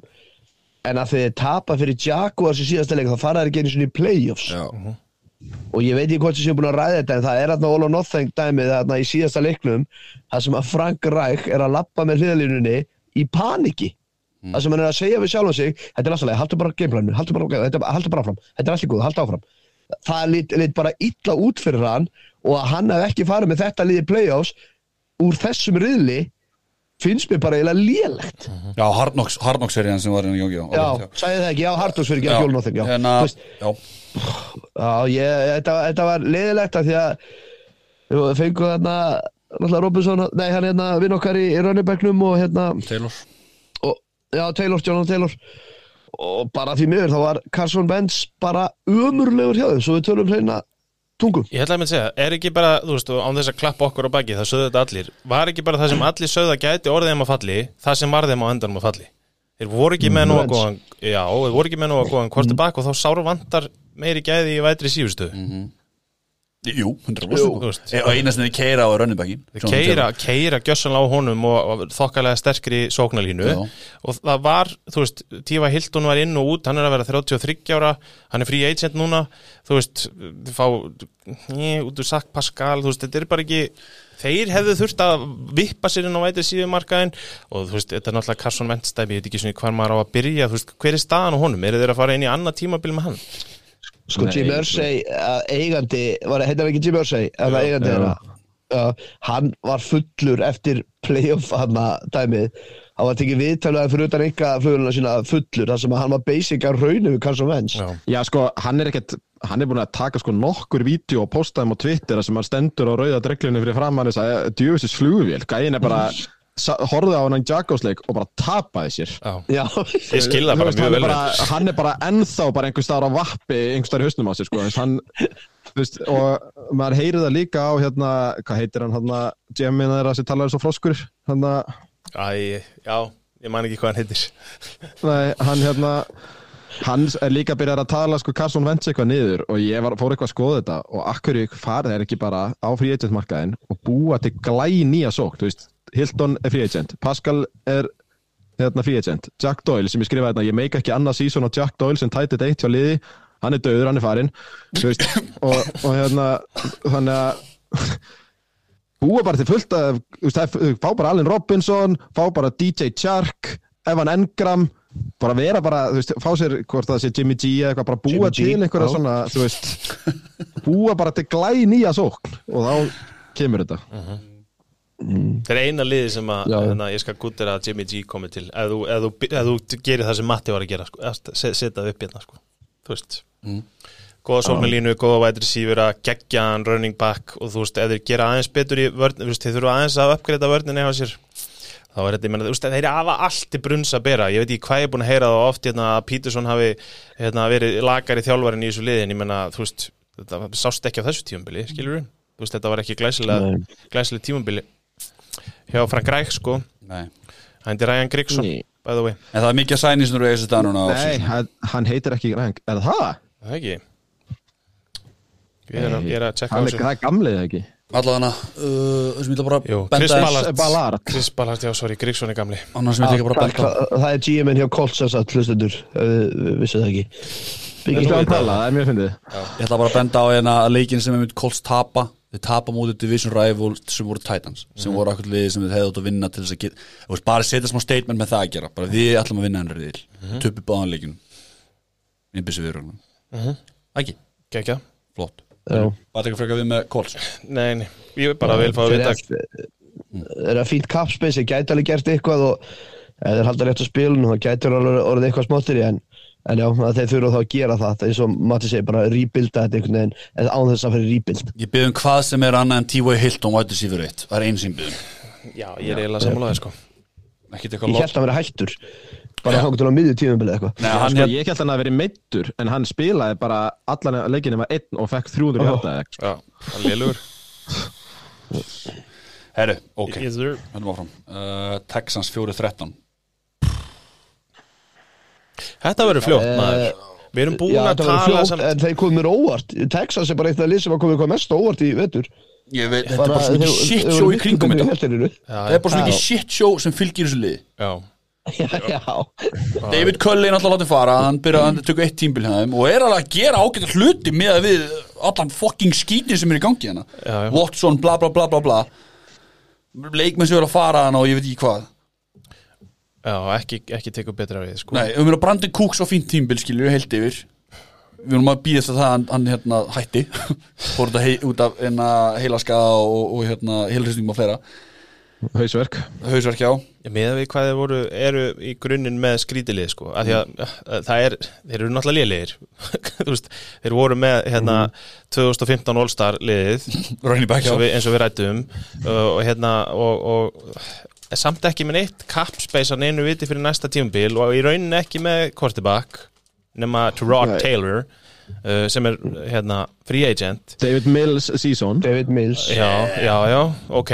Sjáum, ég meni, ég ætla ekki, ég ætla ekki að segja eitthvað, þú veist. Besti Ég- quarterbackin í ég- draftinu í ár. Já, ég veist, Nei, burt. Ég, hat, Burt með ég hata hann ekkert en, en þeir eru samt einhvern veginn bara dúmt fyrir næst tímbil, sko.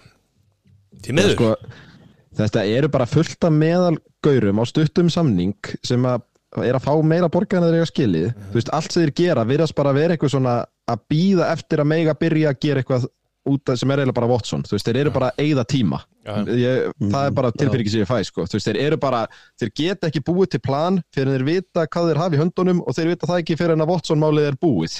Pælið í líka getur. Þú veist, ef að Watson fyrir fangelsi þá fá þeir náttúrulega ekkert fyrir hann. En ef þeir fá fullt af picks fyrir hann þegar það klárast þá geta þeir farið í alveg plan í gang. Þú veist, þeir einhvern veginn geta ekki gert ráð fyrir neinu. Þú veist, við fáum að vita á hvað föstudaginn eftir tvo daga, þá kemur grand jury saman og fer yfir málið hans Watson þannig að það getur verið reysa stór dagur fyrir þá. Mhm. en, en þú veist, þetta er bara lið þetta er ekki lið fyrir en Watson málið er búið. En pælið í líka störluninni við lið. Hvað, hvað, þú veist, þeir eiga mikla peninga að þegar að þú ert með David Colley eins og þú segir, sem að þú veist, við heldum að Texans er því sko fíasko beyond allt, bara, þú veist, NFL-lega séð bak við tjöldin, allt er því gjössanlega í ruggli, David Colley gerir bara ágætlega með tvo frekaslaka kortebakka og einhverja leikmenn. Þeim, þeir, þeir eiga pening fyrir því að láta hann fara, borga út samningin hans og ráða síðan bara eitthvað sultu í staðinn. þú veist, þetta er, allar ákvarðanaðna eru bara eitthvað, þú veist, Lovey Smith er full reynd tilraun, sko. Þetta er bara hliðaskref þetta er alveg galið, já, ef þeir eru hefnir þá verður Lovey Smith hliðaskrif þó svo að ég miskilst að leikmennir að mann náttúrulega þarna, defensive coordinator, að menn hafi verið hrifnir á hann ég veist, þetta er alveg sko, bílun, sko. Mér, mér varst bara lýsa best þessu tímubili hjá Houston í ár þegar hérna, menn töluðum að þeir grættu mest á COVID tímubilinu mm. Að því að sama hvað þeir mistu marga leikmenn að koma alltaf nýjir inn í staðin sem er alveg jafn góður þessum að fór út úr liðinu. Og þeir og þess að og þess að segja, þetta eru bara einhverju leikmenn þetta eru bara einhverju algjörum miðlús papakassar Já. sem eru bara að drepa tíman hana Já, Það er nákvæmlega, þeir eru að drepa sko. tíman og ég menna það er hvað, tvö, tvö tímabil þrjú tímabil síðan að þeir voru bara í playoffs með Watson og voru hérna 24-0 lifir og Arrowhead. Já, já, voru bara að kasta drastli út um allt, bara sækja tönsil hérna fyrir tvö að þessu og sækja bara fullt af leikmönnum í einhverju vinna á mót og nú bara er búið að njúka helvítis drastli, sko. Já, Það er bara orðið að líkta þessu, sko. Ekki nóg mikið jóð Það er ekki nóg mikið jóð. ég náðum ekki ég, ég keipt alltaf töflur Já, þessi, Nei, nei, ekki bara við okkur í, í hérna. Jú, ég held að það er ekki bara er ekki- hérna þetta lið eða bara brenna niður og setja salt í örðuna og byrja upp nýtt það Ég meina það er bara komið gaffall og nýfur, sko. flott uh, næsta liðið fyrir Ekki frá skánara. einu juicy yfir annað. Jacksonville Jaguars uh, 3-14 hvað þetta er svo mikið shit show hérna, ég með svo búin að gleyma hvað þessi, þessi idiot hétt sem var að byrjaði tímbili hvað heitir hann? Ha, hvað heitir þjálfur Jaguars sem var reikin? hvað heitir hann? uh, Arban Meyer Urban Meyer ertu búin að lesa bókina, Valur, eða? Ég var ætlað að segja, ég er ekki byrjaðar á henni, ég verð að henda mér í hana, sorry, ég er ekki búinn, byrjaðar. Er þú byrjaðar sem ég gaf þér? Ég ég er bara svona búin að glugga í hana, já. Allavega við fáum að heyra meira frá þessum uh, leshóp síðar uh, bókaklúb uh, hjartana hérna, Andrew Luck. já, sem sagt, hérna hei taka hana Trevor Lawrence og vi- ég líkt, ég var alveg Þú varst æstur. já, mjög spenntur að sjá hann þetta, þetta hvað ég var að segja besta prospekt allra tíma var lengi talað um Ég sé hann Andrew Luck, já. síðan andru, já, ok, já, svo sem já Þeir tveir, já. Á, á. Já, já, já, já, já, já. svona sama kaliber uh, fór ekki betur en svo að Valur kallaði hann bust eftir þrjárugur Róum okkur. Ég, ég stend samt alveg við ennþá að hann á ennþá þetta er að sína mér eitthvað, þó að var ekki eitthvað aðeins í lokin komin upp, en þessi gæi hefur bara ekki sínt mér raskat ennþá og, og ég, ég, ég veit, já, sko, mér, mér finnst þess að Urban, mér finnst þess að ég var bara að horfa á Urban Meyer, Trevor Lawrence hann Mhm. og ég hlakka til að sjá þegar hann fær kannski ég veit ekki, betra skím og náttúrulega betra leikmenn og svo langar við bara til að sjá eitthvað frá honum, mér finnst hann bara leiðilegur. Það er að segja, mér finnst ekki karisma frá honum heldur, hann er einhver Goldilocks gæi með, með þvíli sítt hárafna eða eitthvað. Og þetta getur verið gæði sem lappar inn í herbyggju og eftir kortin hann veit ekki ennþá hann sín í herbygginu Það er alveg góð punktur Þetta er alveg, þú veist, þetta er alveg hérna, þú veist, þeir þurfa að snúa öllu við núna. Þú veist, og ég, sko hvað sem mannum, menn halda með Doug Peterson þá finnst mér þetta frábær ráðning ekki endilega NFL-lega séð en ég held að Doug Peterson sé bara æðisleg manneskja, ég held að sé bara frábær gaur til að fá þarna inn í þessa stöðu hvort sem það er svona í eitthvað milli hopp þangað til er fara að geta eitthvað eða eitthvað neginn, þú veist. En ég menna hann var líka eini gæinn sem vildi taka við þessu með Trent Balki sem GM Já, það var umræðan sem við myndum að ég meina hvað var að tala um, fjóri til sjö gæjar sem sögðu bara, alltaf Trent Balki ef ekki GM, nei, glimtu, ég Left ætti ekki svona að taka helvitis viðtal sko. Við erum hérna. líka, við erum líka komin á þann stað sko að þeir voru næstu búin að ráða þarna Rick Spielmann, Vikings general managerinn sem einhvern svona front office ráð, ráðgjafa sem að ætti í rauninni að vera þú veist, en að, það klikkaði eitthvað og ég held að sko Trent Balki þetta er, sko, það þarf að skrifa bóku þann gæja, hvernig að næra sko vefja eigendur um fingurinn á sér, hann gerði þetta í 49ers og núna greinilega hjá Jackals líka veist, hvað er það sem heldur honum í starfi sem er svona frábært? Veist, hann, er ekki, hann er ekki nettur hann er ekki að gera neitt veist, hann draftaði hann þú veist, bara ég veit ekki sko, þú veist, ég bara, ég fattaði þetta ekki.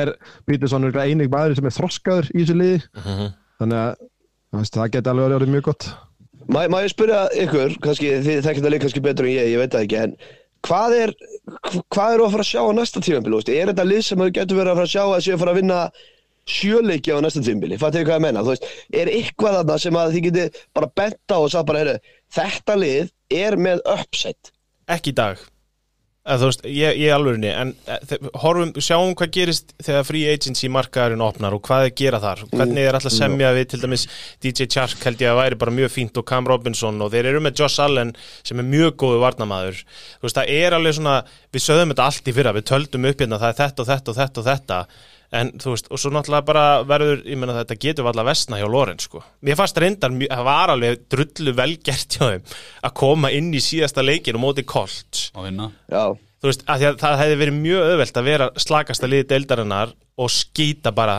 með, þegar allt undir hjá mótirjónum Mm. og ég meina það var eini leikurinn þar sem maður sá að Lorenz gæti bara yfir höfuð eitthvað í, í hérna, amerísku fótbolta sko. og þeir eiga náttúrulega, sorry, Biggi, þeir eiga náttúrulega se- second most bara kapspösi í dildinni Já. og eins og punkturinn með Peterson að fá hann í þjálfaratemi eða þjálfa þetta að það, það er likeable gæi sem að kannski menn vilja spila fyrir og þannig að já, e, það verður spennandi að fylgjast með þeim á frí agency markanum og hvort þeir geti tekið ykkur að bita þar. Mér varst bara strax cool og ég veit að hérna, persónulega þóleita almennt ekki en, en Jaguars var svolítið að henda inn vídeo maður þegar Peterson kom. Og bara hvernig menn voru að taka á mótonum og hvernig hann var að taka í spaðan og Lorenz og svona aðeins draga hann til sín og þú veist, svona, þú veist þetta er bara allt annað dæmi heldur en þetta mæjar bull sem var þegar þú fekst einhvern, einhvern háskólaprofessor hann inn til þess að reyna að, gera eitthvað að viti sko. Svona proper útkværa pappi sem lagar húsi sjálfur Ég held að þessi bara hann er- Urban Meyer hringir í Já, pípunum. Já, hann er Þetta er, þetta er, þetta er, þetta er, þetta er sko smiður, pípari, rafvirki Já. Þetta er, þetta er sveinspröju öllu ringir í, katalógnum, sko. Ringir í, í, í menn til að láta koma að gera þetta en og, og, og, og er setna borga fyrir vinnuna hann öllum maður það verður að hringja hann og íta eftir greiðslu. Hérna, ég ætla bara samt, þú bara að rifjit upp hérna þess, Jaguars vinna Miami Þeir vinna Buffalo Bills og þeir vinna Colts. Skrítni sigur. Þetta er svo, ég, þú veist, ég er að horfa á þetta og ég bara er bara mind baffled að sjá þetta hérna. Já, og voru ekkit eðlilega Bills. ég kíkti á hérna stiga þeir voru sko lang ég man ekki hvað er sko point difference í síðast tímbili var eitthvað 200 stiga eða eitthvað sko. Þeir voru, þeir voru ömurlegir í hinnum leikjónum sko. Allavega, þeir eru allavega með hvað, næst mest cap space held ég, Jaguars þannig Já, að eins og, já. já, eins og tala með það, veist, ég sammála kalla þannig að segja hvað tökum við? Þurfum bara að sjá hvað þið gera einmitt núna bara með first overall pickið og agencyð og ég held eiginlega að agency ég segi svolítið hvort þeir sé að fara að uh, hvora megin á sóknar, hvora línun er að fara að laga, hvort þeir eru sóknar eða varnar. Því að þessi riðill er alveg up for grabs. Já, þú veist, ef þeir eiga, eiga gott off-season, þú veist, þá, þú veist, ég er það ekki eitthvað gapandi ef að þeir yrðu efstir í þessum riðli eftir ár? Út, út af því að þú veist, Titans Colts, Texans e, þú veist, ég, eins og ég segi, þú veist, það kæmur ekkit ég er ekkit gapandi, en ég held að það sé ekkit líklegt en þú náttúrulega til að títekja þetta. Er, þetta þetta er vantilega riðilega með lélustu kjúpi með dildinni, það held ég að sé ekki spurning. Nei, það er reyndar Lorenz jú.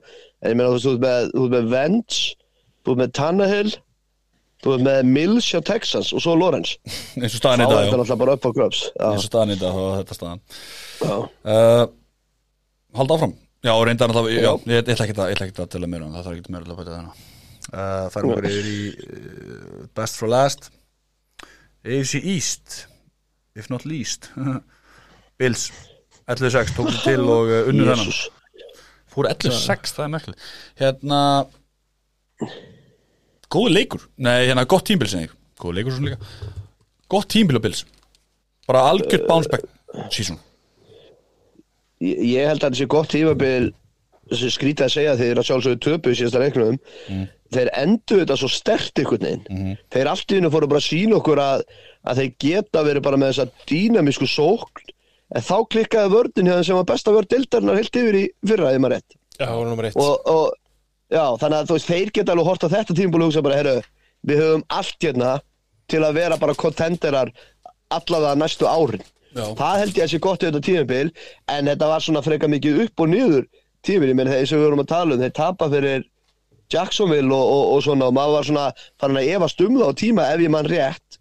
En ég samanlega er að ég myndi horfa á þetta sem ef ég veri bilsadöðandi, þá myndi ég fyrst alveg ennþá grenja þetta að hafa tapað þessu leikarna en þá myndi ég horfa á þetta bara, heyrðu, við höfum allt hérna við getum alveg gert eitthvað á næsta árum. Þannig að ég samanlega þetta var gott tíma Já, mér finnst einhvern veginn þegar ég horfa yfir þetta lið mér finnst eins og hópurinn það er svo auðvelt að uppgreita hann. Þú veist það er í rauninni engin svona supersterkur við tvö í þessu liði. Þú veist, Cole Beasley vil fara Gabriel Davis er ekkert sér við tvö svona stöður þótt hann fjóra törnstóna leik í play-offs. Þú veist, Devin Singletary þú veist, ég ætla ekki að kaupa það þegar ég sé heilt áraði en hann átti þarna nokkra leiki sem hann var geggjaður. Og það er, þú veist, þeir eru að vera svolítið gamlir og missa leikmenn úr varnalínunni og eru í mínus í cap space, þú veist þannig að það er náttúrulega ágætis eh, kostur að hafa Josh Allen sem gemveru þarna í kortubakstöðinni en það er alveg staðir þarna sem að maður sé alveg svona, já ok, ég skil alveg að þeir komist ekki í súból, þú veist, þóttir að við náttúrulega átt geðveika geðveika lók á leiktíðinni þá eru samt alveg fullt af stöðum sem er hægt að bæta sig í þú veist, og það ætti ekki að vera það dýrt. Nei, Mér fannst líka, en, þú veist, já, fannst líka að koma svona aðeins, aðeins, aðeins svona steiftari mynd á sóknarleikið þeirra og fórstúrst tími eins og, eins og Josh Allen væri svolítið mikið að gera þetta upp einn spýtu, leita Stefan Diggs, jari, jari, jara. Og mér fannst sér, ég lag svolítið gefa honum meira pláss með það að gera mikið með minna. Fór að nýta Tyler Croft aðeins betur, nota þessa eins og engi- þessa, þessa, hvað sé, þessa þrjáana sem voru allir eitthvað með einn svona skipt á milli sem væti sér við tvö. Það meðan það var að tíman á Diggs. Þannig að mér fannst, mér fannst svona við fá meira og hann tók réttar ákvarðin fyrst mér alveg, í staðan fyrir reyna upp á einn spýtur og hlaupa ykkur 20 hjarta og vera síðan bara body checka þér í döðlur. Ef, að- ef, að það- ef allir verður eh, bara jafngóður eða bara eh, heldur áfram á þessari verið þá eru bara þá er þetta bara, þú veist, elitu, elitu QB. Og ég er mjög spenntur að sjá næsta tímilega nú hvort hann á að halda þessu projektor, projektori áfram að vera þetta góður. Og þá er þetta bara, veist, þá myndum maður ekkert velja marga QB að fram yfir allen. Mér finnst mér líka mjög að því að við uh, núna tvö ári rauð höfum að koma inn í tímambili og sagt að sama sko Josh Allen að það er að halda hérna completion tölunum sínum upp og allt það, nú erum við komið þrjú ár af þú veist, leikjum að Josh Allen þar sem hann er bara frábær leikbæður og alltaf verða betur og betri. Kannski komið þak á það það er með sammála val, nú þarf hann að viðhalda því. Þú veist, bara, hann þarf ekki að spila betur. Bara alls ekki, hann þarf bara að spila eins og hann er náttúrulega byggður eins og bara veggur sko, þú veist, hann getur þetta hlaupa, þú veist, hann er ekki eins brotættur og Kyle Murray skilur sem þarf bara alltaf að leggjast niður ef það kemur einn 80 kíló að kornibak á hann. Þú veist, Allen getur, þólir alveg nokkur högg sko, en ég er alveg sammála. Það er, það er, verður gaman að sjá þá svona aðeins hrist upp í þessu, Matti var að taka fram þú veist, Jerry Hughes, Mario Addison þetta eru 34 ára gamli leikmenn sem eru free agents, það er allt í lægi þú veist, það er að, þá bara ferði í draftið eitthvað og reynir að uppgreita þær stöður Þannig að ég- þetta er bara lið sem á að berjast bara um, um súbóla eins og þú sagðir, út með vörd nummer eitt sem klúra 13 sekundum þú veist, við erum búin að nefna þetta miljónsið um ári það er ótrúlega sorglegt uh, sorglegur endir á tímabilinu einhvern veginn.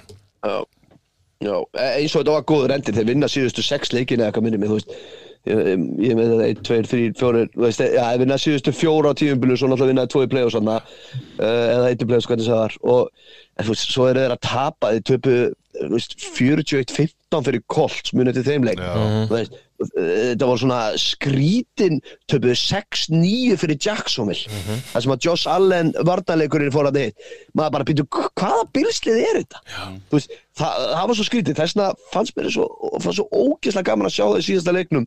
Það sem síndu svona að manni fannst hvað þeir geta gert sko. Algjörlega. En Mér finnst það svolítið það sem ég er að meina, þú veist, að hópurinn er of random sumir hverjir. Þú veist, þeir eiga leikið sem eru bara geðveikir, eins og þú veist, Singletary og þessi í sókninni, þú veist, en svo eru þeir líka bara með já, það vantar bara svona stöðuleika, þá er þetta besta liðið EFC, sko. En það sem þú ert líka tala um með Singletary er að það var, hana, var ekki ykkur, það var svona fjóri til sex leikir þar sem að þeir bara ákveðu, herru, við ætlum bara ekkert að hlaupa. Já, erum þú bara veist, og svo, hættir svo því. í play og svo undir leiktjar, þá var hann. Þa, já, þá fóru þeir náttúrulega aðeins svona að gefa þeim pláss, þeir voru náttúrulega voru líka í þessu sakk mostóti hann, voru eiginlega ekkit vissir um hvorum þeir ætla að spila, kom svona eins og einhver heilabilun hann í smá tíma á tímabilan sem þeir voru mitt, bara heyrðu, hvað er ég að gera núna? Þú veist, við bara fórum að breyta allt og miklu, er svona svipað og Chargers gera tímabilið, það var bara skrítið í einhverja 5-6 leiki, þannig að, en, en já, 100%, ég held, 100, ég held ég bara algjörlega fram, ef þeir hefðu haldið út þennan tíma á móti Chiefs,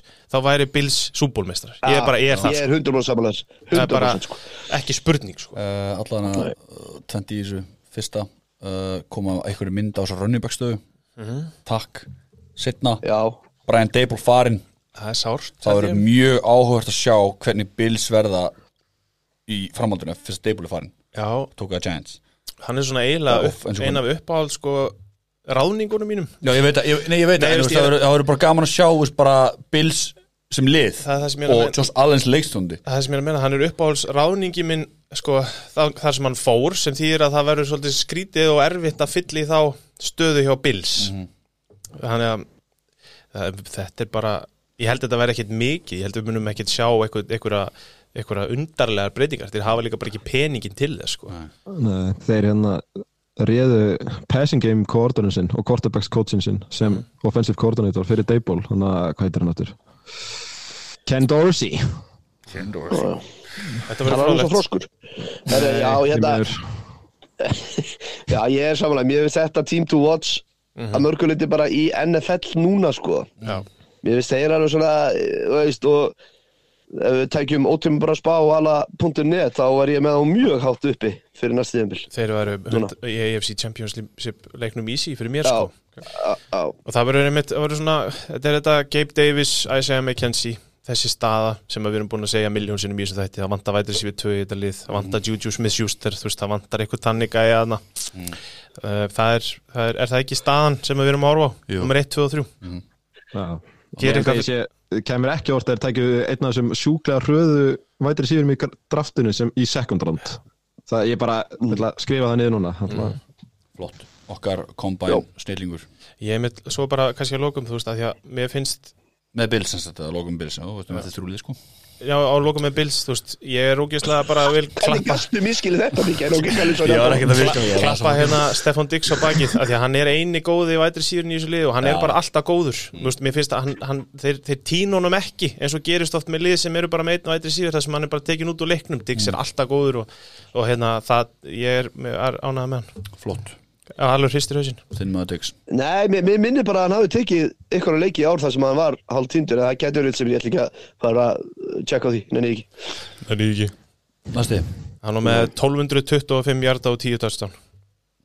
Já, ég veit að ég er að sem, uh, mér minnir nefnilega uh, getur verið vill sem er að hann hafi bara horfið í ykkur leikjum en það er öruglega vill sem Ég ára getur gakk, alveg verið skiptir ekki öllu mál heldur. Ný. Næsti. Yes please. Patriots. Ást 10-7 Patriots ást Mikið lust uh, Lið landans, og maður ekki myndi segja. Mm. uh, Nýji leikstundi í Mac Jones. Komin uh, framtíð og maður segja. Mhm. og Þú ert ekki hrifin honum ekki? pass. Uh, Jú, jú, hann lítur að elska hann. Þetta, er- þetta er flottu strákur. þetta er flottu strákur og hérna vill rosalega vel og vandamáli er bara að það er alltaf að vera að bera mín leikstundu sem með þennan, þennan ónefnda leikstundu Já, já, og uh, Alltaf. alltaf, alltaf. Konstant. Stanslust Alaba, þetta er Alabama.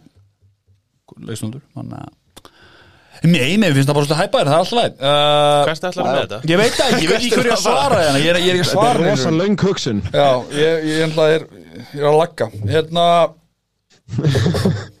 ætla, Þú veist, þeir, þeir breyta, breyta svolítið, fara svolítið í double tight end concept, Peter Sjár Já, já. Sæna hana John Smith fyrir tímbilu og Hunter Henry og eru komin með eitthvað skýrna samninga við Nelson Aguilar og hvað er það, Kendrick Bourne eða ekki rættum mér. Ég held sér ekki bulla að segi þannig Nei, Úff, þú ert að, ekki að bylla þú veist, hvað, þú veist Peter Sjár viltu hjálpa það? Nei, nei, ég er bara meira svona fyrst? Já, please takk ég þetta bara. Já, Sko, já, þetta liðið er náttúrulega eins og við vitum, sjúklega vel þjálfað og maður einhvern veginn, þeir bara, Bill virðist bara vera átta sigrar á leiktíð, bara solid sama hvaða liðan er með höndunum en svo fer hann náttúrulega þarna í fyrra og splasher cash, fær þarna Hunter Henry og John O. Smith á sjúklega stóru samningum og þeir spiluðu bara eins og eins miljón dollara eins ás stopgap tætendar sko, og veist þeir gerðu ekki neitt og ég held að John O. að segja verið meittur frekar Hunter Henry og Nelson Ag- Aguilar þú veist, það, sáu það allir og vissu það allir að Nelson Aguilar er ekkert spes vætri síver veist, hann er bara vætri síver þrjú en hann fekk bara 55 miljónir eða eitthvað hérna, á bakið frá, eftir á, á ágætis ár með Raiders.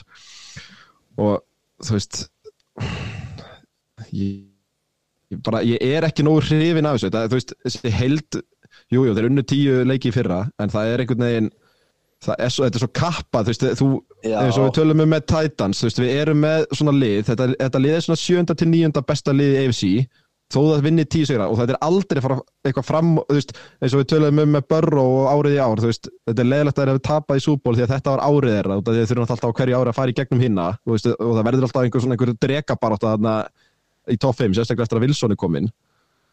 Og veist, ég er ekkert viss um að Patriots eigi mikið í þessi lið, hvort að þeir séu bara alltaf sjötta, sjöunda sít sem að dettur út í fyrsta, fyrstu hérna, umferð. Ég, ég er nefnilega hjartalega og menn töluðu um það fyrir tíma ok, þeir eru búin að eyða helling í free agency en í hvað voru þeir að eyða þessu? Tóku þarna, tóku Hunter Henry Johnny Smith tóku hann líka fyrir síðan tíma held ég.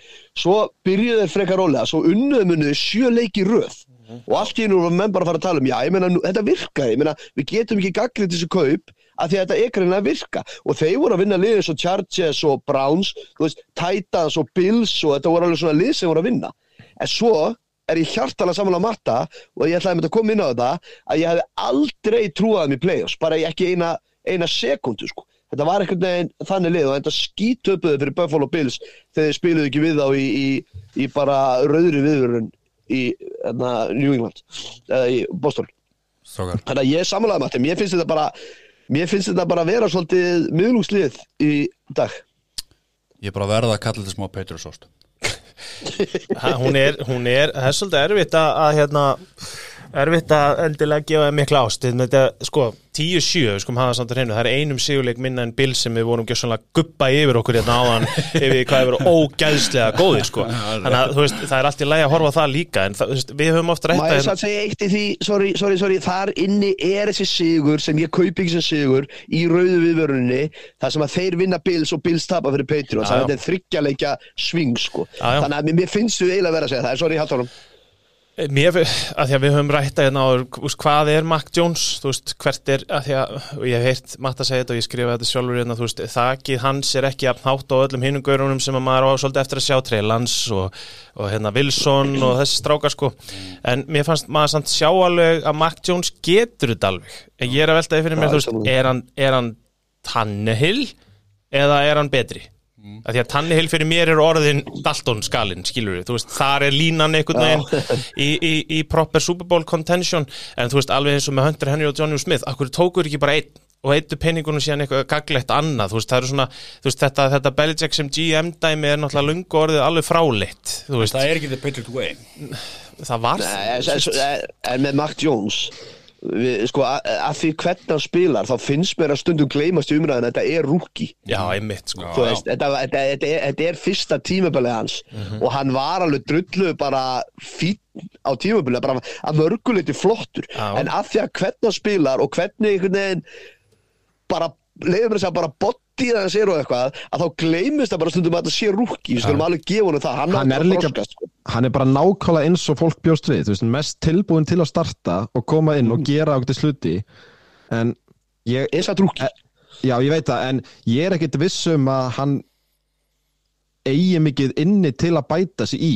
Nei. Sko, Ekki nema segja innan mér að, ekki segja mér að Gaur komi inn í NFL og sé bara tilbúin að spila QB þú þarft að vera sko Nei, veist, ég, skil það- það það að- hann eh, hendin á honum er ekki sterk, hún verður ekkert sterkari. Er þú kennir honum ekkert að hlaupa, veist, hann er ekkert með hlaupa body, þú veist, jú, jú, hann verður náttúrulega reynslu meiri og í haustnum og sko. leikurinn hægist leikurinn hægist Já, já, já, veist, en hann hefur alltaf verið hægur, veist, það var það sem að gerða hann að first rounder, því að hann hefur ekkert af þessum líkamlegu burðum sem að NFL er bara gjössalega ástfangið af síðustu ár, veist, það er, það er þetta sem að gerða hann að first rounder, þú veist, ef hann hefði ekki verið svona advanced í haustnum, þá væri hann bara second rounder. En það er þó líka spurning um hvort að sko, plássi til svona stígandinn í hans leik verði þó bara innan þessa skíms hvort að sé þetta búa einmitt þetta að þú veist hausin á honum læri betur inn í þetta skím Já. og þeir raði leikmunum í kringum Já. hann innan þessa, þessa veggja sem að Pa- Patriots leiðin er. Og þá er náttúrulega kannski þar er pláss fyrir hann til að vaksa en ég er alveg sammála matta. Þessi, þessi, þessi líkamlegu þættir er ekkit endilega eitthvað sem að er hægt að gera mikið í sko. Ég, ég er alveg saman á því að svo náttúrulega er annað í þess að nú er Josh McDaniels alltaf farin og hérna og þannig að mun skýmið eitthvað breyta sér á Patriots, við vitum það bara ekki. Það er svo langt síðan að þeir hafa verið án Josh í hérna offensive coordinator þannig að það verður líka forhaldið að fylgjast með því en ég skil alveg hvað þetta meina. En aftur svo ég bara kemur upp á punktunum mínum þetta er samt rúki. Já, já, og það er ekki auðvelt fyrir neitt rúki að fara inn í NFL sem QB, ég fullir það. En það held ég, held ég að hvor, engin hérna sé að segja að, að hérna neitt annað en að Mark Jones hafi bara, þú veist, þetta byrja að stígandi í hans leik frá fyrsta, bara, já, frá Já. fyrsta leik, sko. Já, já, Og, eh, og, og það, ætla, þetta var hálgjöru brandari fyrstu leikinir hjá þeim, þar sem þið voru svona einhvern veginn að reyna að fela hann bara uh, og, og þau sáu allir að það var ekkert að fara að ganga, það breyttist töluvert, þannig að, en er, er ekkert mikið pláss fyrir breytingar þarna, þeir eittur náttúrulega svolítið sínum peningum í fyrra. Og þú veist, það verður svolítið fróðlegt að sjá bara eins og þið voru að tala með þjálfaramál og með bara, þú veist, hvað ætla er að gera því að ég held að sé svolítið mikið sem þarf að breytast, þú veist, Van Noy er núna farin Donta Hightower er free agent ef við maður Korti er free agent og sem orðin gamall þú veist, James White, þetta eru nöfn sem við þekkjum sko, JC Jackson er að fara. Mér finnst bara að vanta svolítið svona identity Ja, stæðinu sko, það er Identity allavega- er Bill Belichick. Jamie Col- þú veist, þetta eru strák, þetta eru gaurar sem eru heldis nöfn í þessu liði sko, sem eru að annarkvort free agents eða farnir. Ok, hver er stjarnan núna? hjá Patriots. Það er, Það er mjög góð spurning Bill Belichick. Það er bara ágæðist, það er eiginlega eina sem að það getur sagt. Þú veist, er maður að veist. einhverjum? Ég meina, ekki er ég að fara að nefna Henry og Smith. Nei, það er engin svona áberandi Og væti ekki síver Aguilar. Nei, Það er ekki Damien Harris? Nei, nei. en það er helítist potential í honum sant? Já, reyndar, Ég- Damien Harris gæti verið næsta nafnið og fyrir utan alltaf, Mac Jones er stjarnan sem þetta er það. QB1 við hjá erum kannski að horfa fram hjá honum. Ef við horfum fram með Mac Jones. Þá er Já, já, ég, það, Harris Ekkert. það er ekki neitt sko. Nei, góða fútur Þetta er bara gott. Já, já, já, það er. Þetta er mjög fínt og þeir, það, það, þarf alveg helling til að þeir hérna, Að við, eh, Og þá erum við að tala um sóktamenn Þú veist, Já, vartamenn já. eru náttúrulega með hana, Hvað er hann í hana, rauðu treynu Sleit, nei, hvað er hann? Ekki veist, stefn. þeir eru alveg með það og svona, en já, þetta er góð punktur. Það er ekkert svona eitthvað sem að á mann ég verð að horfa á Patriots að spila í kvöld. Nei, þetta er alveg, ég menna, eins og ég var að telja upp þessi gæri, er allir gamli, sko, þeir eru 32 ára pluss, en þetta eru samt nöfnin, þetta eru nöfnin sem fólk þekkir, þú veist, Til eitthvað batsan út við elskum ykkur. Hérna ég, veist, ég hati ekki þetta lið, alls ekki, Nei, þetta, þetta er, nei, nei, og þeir í rauninni, þú veist, við erum að tala um þetta, það er engin stjarni í þessu liði, þeir unnu tíu leiki, þeir gerðu, þú veist, fyrir ekki, valur níu leiki, og hérna, ég er að djóka, en hérna, að, þú veist, en, en það, það, þetta, þú veist, þegar, AFC er hann svona stert, þú veist, við erum að sjá það bara styrkjast, það er einmitt svolítið á bak þessum langa að koma inn á það, þú veist. þá er svolítið En- langt í land, sko. Já, NFC megin, þá væru þeir alveg jákvæðari í hausnum á mér sko, en bara þegar með hvernig þessi deild er að, að þróast þá eiga þeir bara eiginlega engan sjens næstu þrjú árin eða eitthvað sko. Eiginlega ekki sko Nei, Þú veist, það er, þú veist, bara ef maður horfir bara raunsætt á þetta, þetta er ekkert eitthvað Patriots heiti eða eitthvað, en þú bara uppsætið er bara eiginlega ekki neitt. Þú þarft að fara í gegnum helvitis gauntlet í þessu playoffs dæmi sko og það er bara, þú veist, ég sé ekki þetta uppsætt gera sko, þeir þurfa þá að vera með einhverja vörn bara top 1 já, yfir, yfir tímabilið sko. En top þessu- 2, not 2 Ég er hérna, ég googlaði bara svona mér til skemmtunar Patriots Offensive Coordinator og það er open belief that Bill Belichick could be the Patriots Offensive Play Caller. Þá er Já, þetta ég, ég, ég, ég las þetta bara grein um daginn um þetta Það sem að Joe Judge er komið tilbaka Hann er einhverju skrýtnur hlutverki Afstáð þjálfari skástrík eitthvað Mhm. Og svo er Patricia líka einhverju skrýtnur hlutverki minni mig. Hann, er er er senior, senior football advisor minnum ég að ég hafi verið að finna á það Patricia sem er með blíjant á, á, á, á, bara á, hérna, á plastablað. Allir held að líka til Bill. Belichick að segja bara fuck you við NFL en nenni ekki að sk- skráða í ykkur störst þeir eru bara þjálfarnir mínir. Já, akkurat. Þetta verður mjög áhugavert. Mhm, Skemmtilegt. Halda áfram. Já, endilega. Við höfum Tvö eftir. Let's go! Miami Dolphins 9-8 Það er ímest þetta í gangi þarna. Hmm. Viki vonbreiða tímbil Já, Já, Dolphins se, sem segðu sagt. okkur Segðu okkur. Nú, býttu, var ég ekki hérna á með yfirlýsingar bara inn í byrjun tímbils bara yfir um besta lögum frá takifuna riðul, ég veit ekki hvað og hvað. Nígeríu svindani Will Fuller væri bara the shit. Já. Það svo ég sem held það ekki. þú sko. Ég held þú bara alls ekki. Talandi, um- þetta er bara ránum hábjartan dag. Já, já. Já, Rænir hann 16 miljónum á eða hvort það verið átjón, ég manna ekki. Allavega, ég, ég get ekki tala á Will Fuller Hérna Eigendaskipti Mögulega, já. Mögulega eigendaskipti út af hérna kemur ljósa að Big Flow shit show Ross er búin að alltaf að borga honum hérna 100 dólar á honum Brian Flores að tapa leikjum fyrst tímbilans. Brian Flores látum fara. Reyndar uh, my guy Mike McDaniel. Bro. Bro. Uh, Oliver bro. Brosef. Oliver Frat guy. Bro, bro, bro. Oliver svona surfer dude. Yeah. Calabanga dudes uh, banka hérna Æ, þú veist það var bara svona fucking stupid tímabil. Töfum mann eitthvað sjö í röð eða eitthvað. Vinnum sjö í röð. Öllum líður ömulega og halda okkur inn í þessu og svo bara rétt svo dettu út úr play-offs. Við töfum átti fucking Jacksonville sko. Já, já. Þið farið í þann glæsta hóp liða. Ég hata lið en nei, þú veist, bjarti tíma framöndan og svona. Hérna við eigum mesta kappið.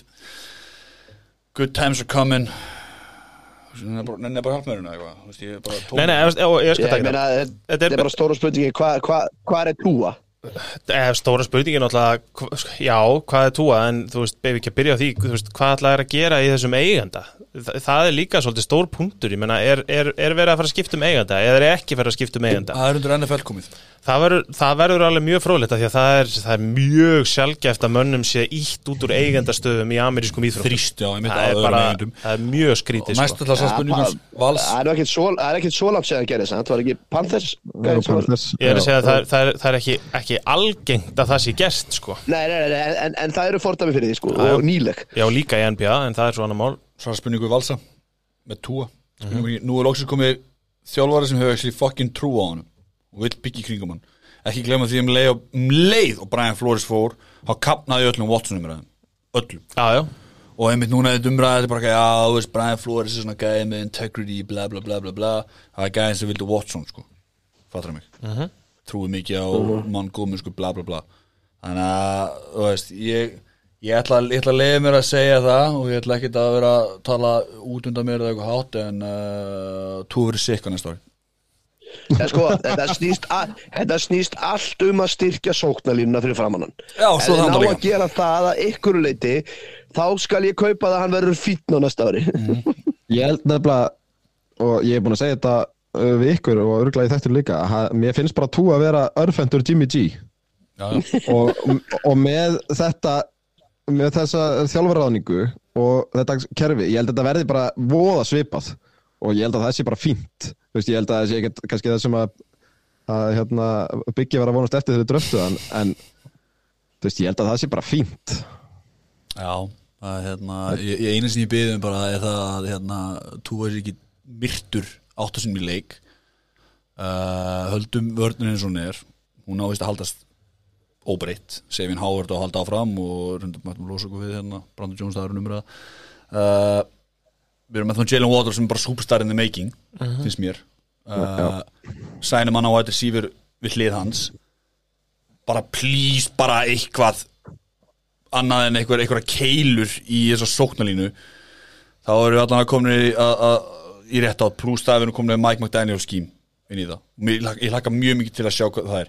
Ég hef alveg sagt ofnberlega, ég er ekki hrifin að þessu 49 sóknarskími, mér finnst það boring. En ég er tilbúin að taka það á mig til þess að sjá liðið mitt allavega ekki eðilegja líf mitt. Þetta væru sko sóknarlínu á- hérna, free agentarnir eru, það er alveg bunki af, það. af gaurum sem er að fara að fá money og ég verð ég verð mjög vonsvikin ef að Miami er alltaf ekki umræðu um alla? Ég hef líka bara aldrei séð free agent klass sem eru allir þrítugir Það eru bara allir í kringum 29-32 Þetta er sko, og þið þurfið bara að, þið þurfið að taka hennan pening sem þið eigið og bara sko eigðunum í sóknarlínuna. Eða, eða, eða Og ég er ekkert að segja að Miami sé eitthvað í win now mode en allavega uh, framfarir, takk. Já. og einu sinni byrjum. Já, já, en ég meina, sko, þú beður um framfærir í nýju sigurleiki liði samt. Þú veist, þið voru ekkert langt frá því. Við vorum nú ekkert að mæta eitthvað glæstum hérna Nei, nei, anstæðingum nei, sko. nei, nei, nei, nei Þú svo, svo er það annar mál. En þú veist, ég, meina, ég held að nýju leikja sigur tímbil hafa verið bara mjög eðlilegt. Ég meina við erum að mæta hérna Jets, Giants, Panthers, Jets Já, já. Texans, Jaguars, ekki- Falcons. ekki gott. Raiders. Veist, Mhm. Saints. Já, já, þið farið í þetta. Brandon, Brandon Sjerfif, uh, Nate Soldier Andrew Norveld, Teron Armstead þetta er bara, þetta er bungi af gaurum sem geta bætt eina sóknarlínu tölvöld mikið. Ég ætla að búin að Nei, mer- svo, Mm. svo með við umræðin okkar þá er náttúrulega annað sæti í þessu reyðli bara, bara hérna, það sem þið getur stenda því eru aldrei frá Bills á næstunni. Og svo er alltaf spurning hvað Patriots gerir þið eru ekki að mikla áhyggjur af hinliðin held ég. Ný, en þú veist, að, að því að þið eru bara með eitt besta lið í deildinni með ykkur reyðli þannig að það verður alltaf erfitt. En þá er gott að eiga bunch of cash Ég er enda líka, ég, sé mjög eftir fyrstu Lynn Flores fara að við tókum ekki nýjan GM Chris Greer en þá hana Já, já, það, þú veist, það, það er sko, maður getur talað og talað og talað um þetta blessaða lið, en ef að það er front office og eigendabreitingar annað, þá náttúrulega, þú veist, snýst umræðan bara upp í allt annað dæmi, sko. Já, já. Þá hefur við alveg eftir að fá fíl fyrir því hvernig þeir gæðar vinna, sko.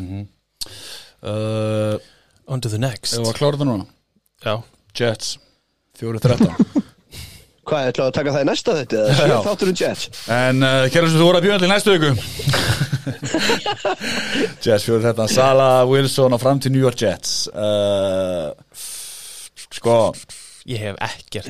Ég bara, ég rosa- I've got nothing. Ég er eiginlega sammála. Ég eiginlega eitthvað meginn hef lítið að taka út þessu tímbil sem er líðan en við fengum hana eitt fyrst tímbil hans uh, Sala sem uh, head coach. Sala, Sala, Sala.